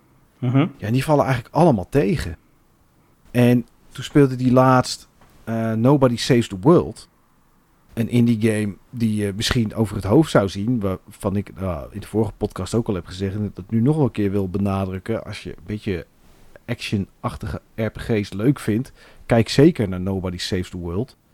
En, dat trok hem dan wel weer. Alleen, ja, weet je. hij komt daar niet naar terug. Hij speelt het dan één of twee dagen en dan, dan is het klaar. Dan komt het leven ertussen en vergeet hij het weer een week of twee of zo. En dan ja, eh, stapt hij er niet echt meer in. En als je dan dat niet blijft doen, dan, dan verlies je heel snel, denk ik, je interesse. Want de grote games is niet zo moeilijk om daar naar te kijken. Die krijg je wel op je Netflix. Op je Netflix, voor mij nou. Op je Netflix. Een, Assass- een Assassin's Creed, Ja. een, een Saints Row, een weet ik wat allemaal. Dus ik denk wel, en dat zei je eerder al, van dat je er naar moet zoeken. Ik denk wel dat als je een hoop hebt gezien en een hoop hebt gespeeld, dat je op een gegeven moment meer moeite moet gaan doen. En het is, denk ik, voor heel veel mensen wel moeilijk om die energie op te brengen, om die moeite te willen, eh, moeten, moeten willen doen, willen moeten doen, om iets te vinden wat dan jou nog een beetje kietelt. Daar ben ik helemaal met je eens. Kijk, en dat, en dat hangt dus ook af met wat voor soort dat groep van mensen je dan ook de hobby deelt. Hè?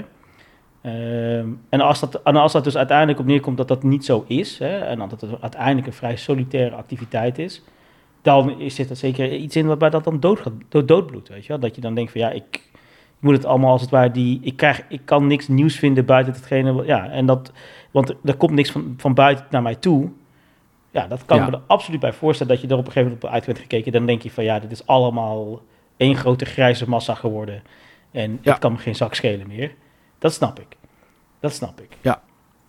Absoluut. Ja, dan heb je, te- dan heb je te veel, nee, nee, dan zit je te veel ook in een trechter, maar dan elke keer richting hetzelfde. En dan, eh, ja, dan gebeurt er niks meer. Nee, dat klopt. Dat klopt. Nee. Maar dat is eigenlijk natuurlijk een beetje de doodsteek voor elke hobby. Hè? Eh, dat je uiteindelijk dan voor jezelf niks meer te ontdekken valt en dan niet meer verrast kan worden tot wat je hobby is. En ik zie sommige mensen die dan heel hard in een hobby gaan en echt zichzelf zwaar opbranden. En dat dan eigenlijk ze er niet, eh, als het ware, eh, dat tempo kunnen bijbenen op een of andere manier. Om dat dan vast te houden. Want dan zitten ze eigenlijk op de nieuwe, soort van, de nieuwe hype als het ware.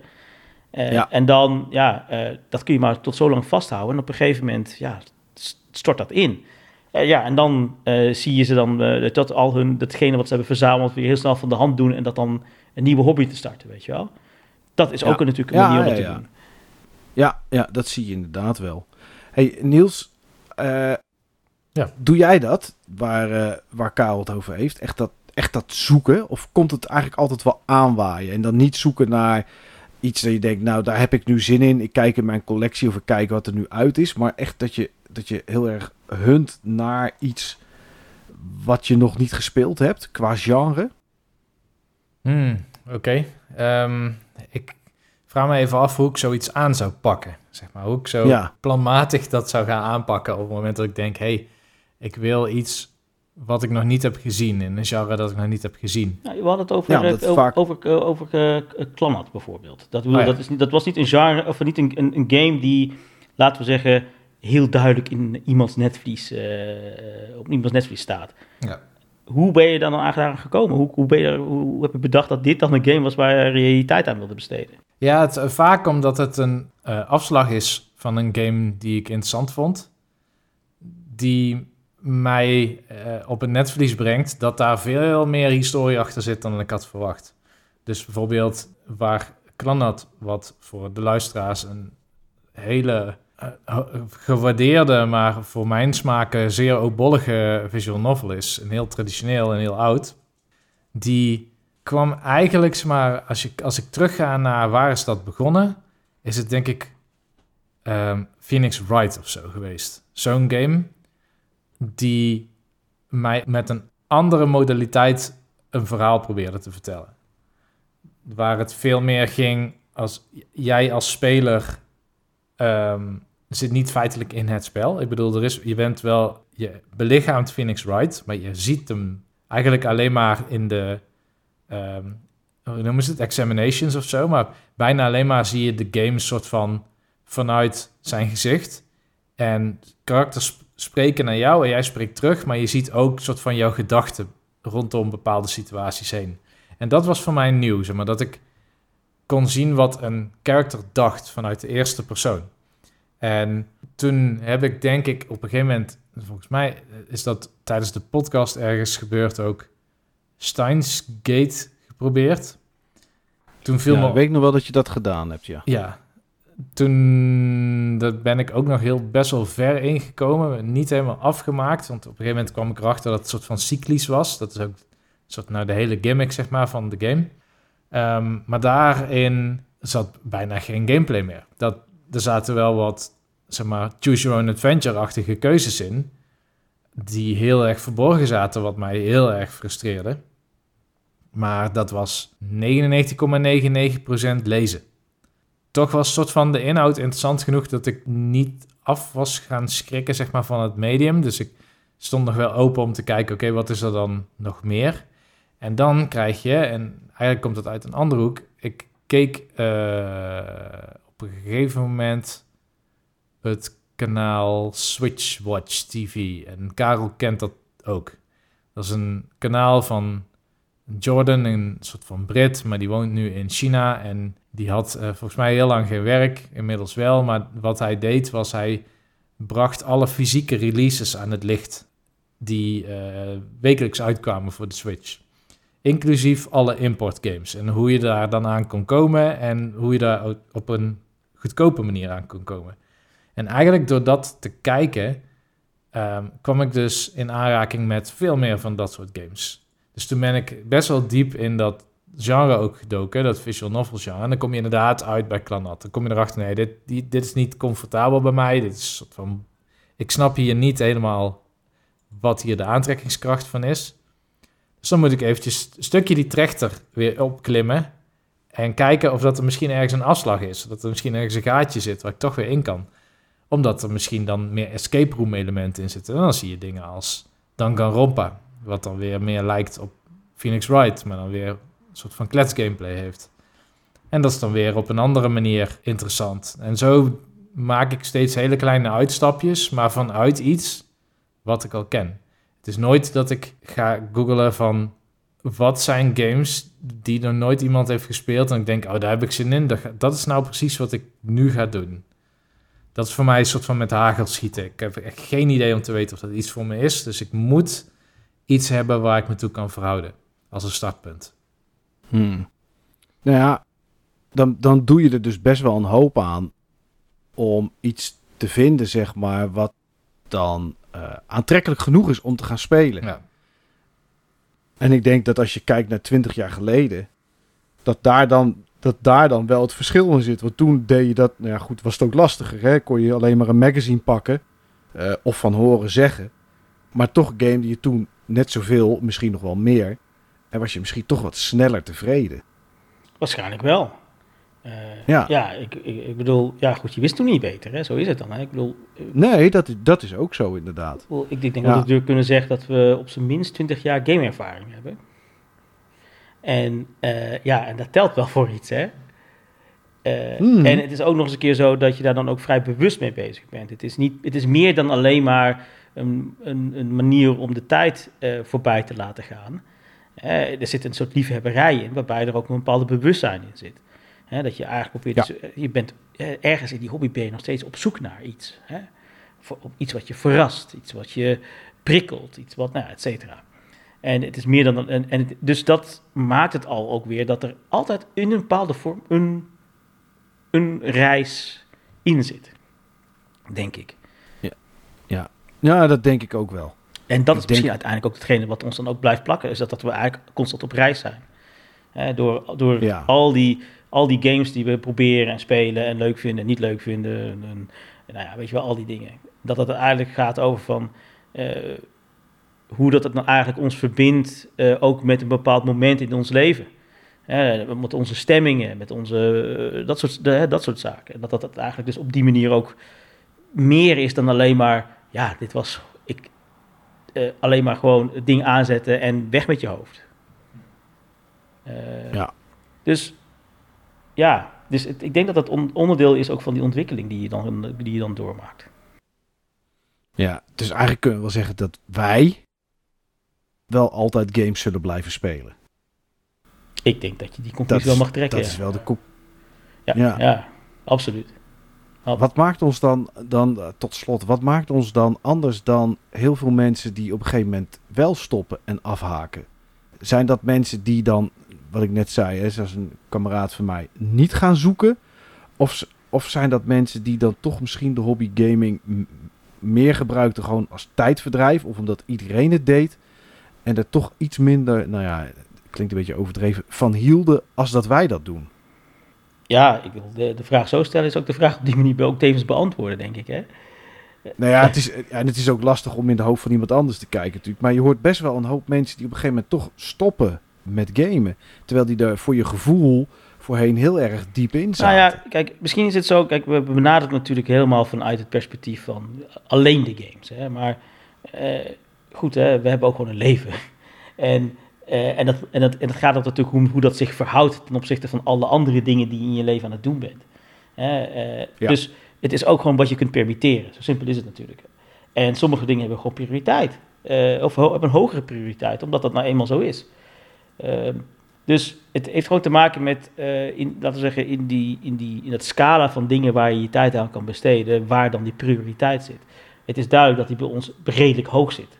Ik denk dat die, ja, ja en ja, uh, ik, weet je wel, uh, ik heb in alle fases, ik bedoel, mijn, mijn dochter is zeven en in, in die afgelopen zeven jaar heb ik altijd de tijd gevonden om te gamen.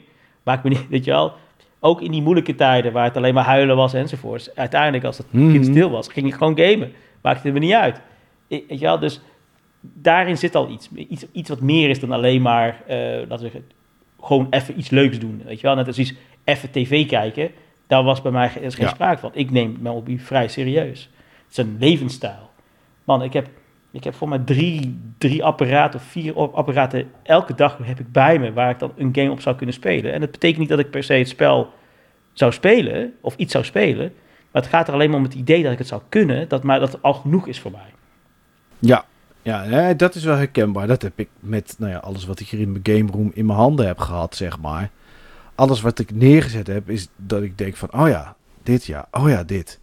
En het is ook lekker dat als ik hier nu mijn hand naar links uitsteek, ik eh Condemned 2 voor de PS3 kan pakken. Ik, eh, weet ik veel, Manhunt 2 op de Wii kan pakken. Of eh, Halo Wars voor de Xbox One. Of de Xbox. Eh, de, alleen dat gevoel dat dat al kan, is al prettig. Ja, toch? Dat klopt. Ja, nou, dus ja, wat ik al zei. eh, dat is toch echt wel een ander niveau voor die mensen die dan eigenlijk alleen maar zeggen: ja, ik heb gewoon alleen maar de dvd'tjes hier eh, of de cd'tjes hier liggen. En die heb ik in een, van de rare map geflikkerd. Weet je wel, en dat, en dat Ja. ligt dan te verstoffen ergens. Weet je wel, dat is een hele andere manier van- omgaan met die hobby.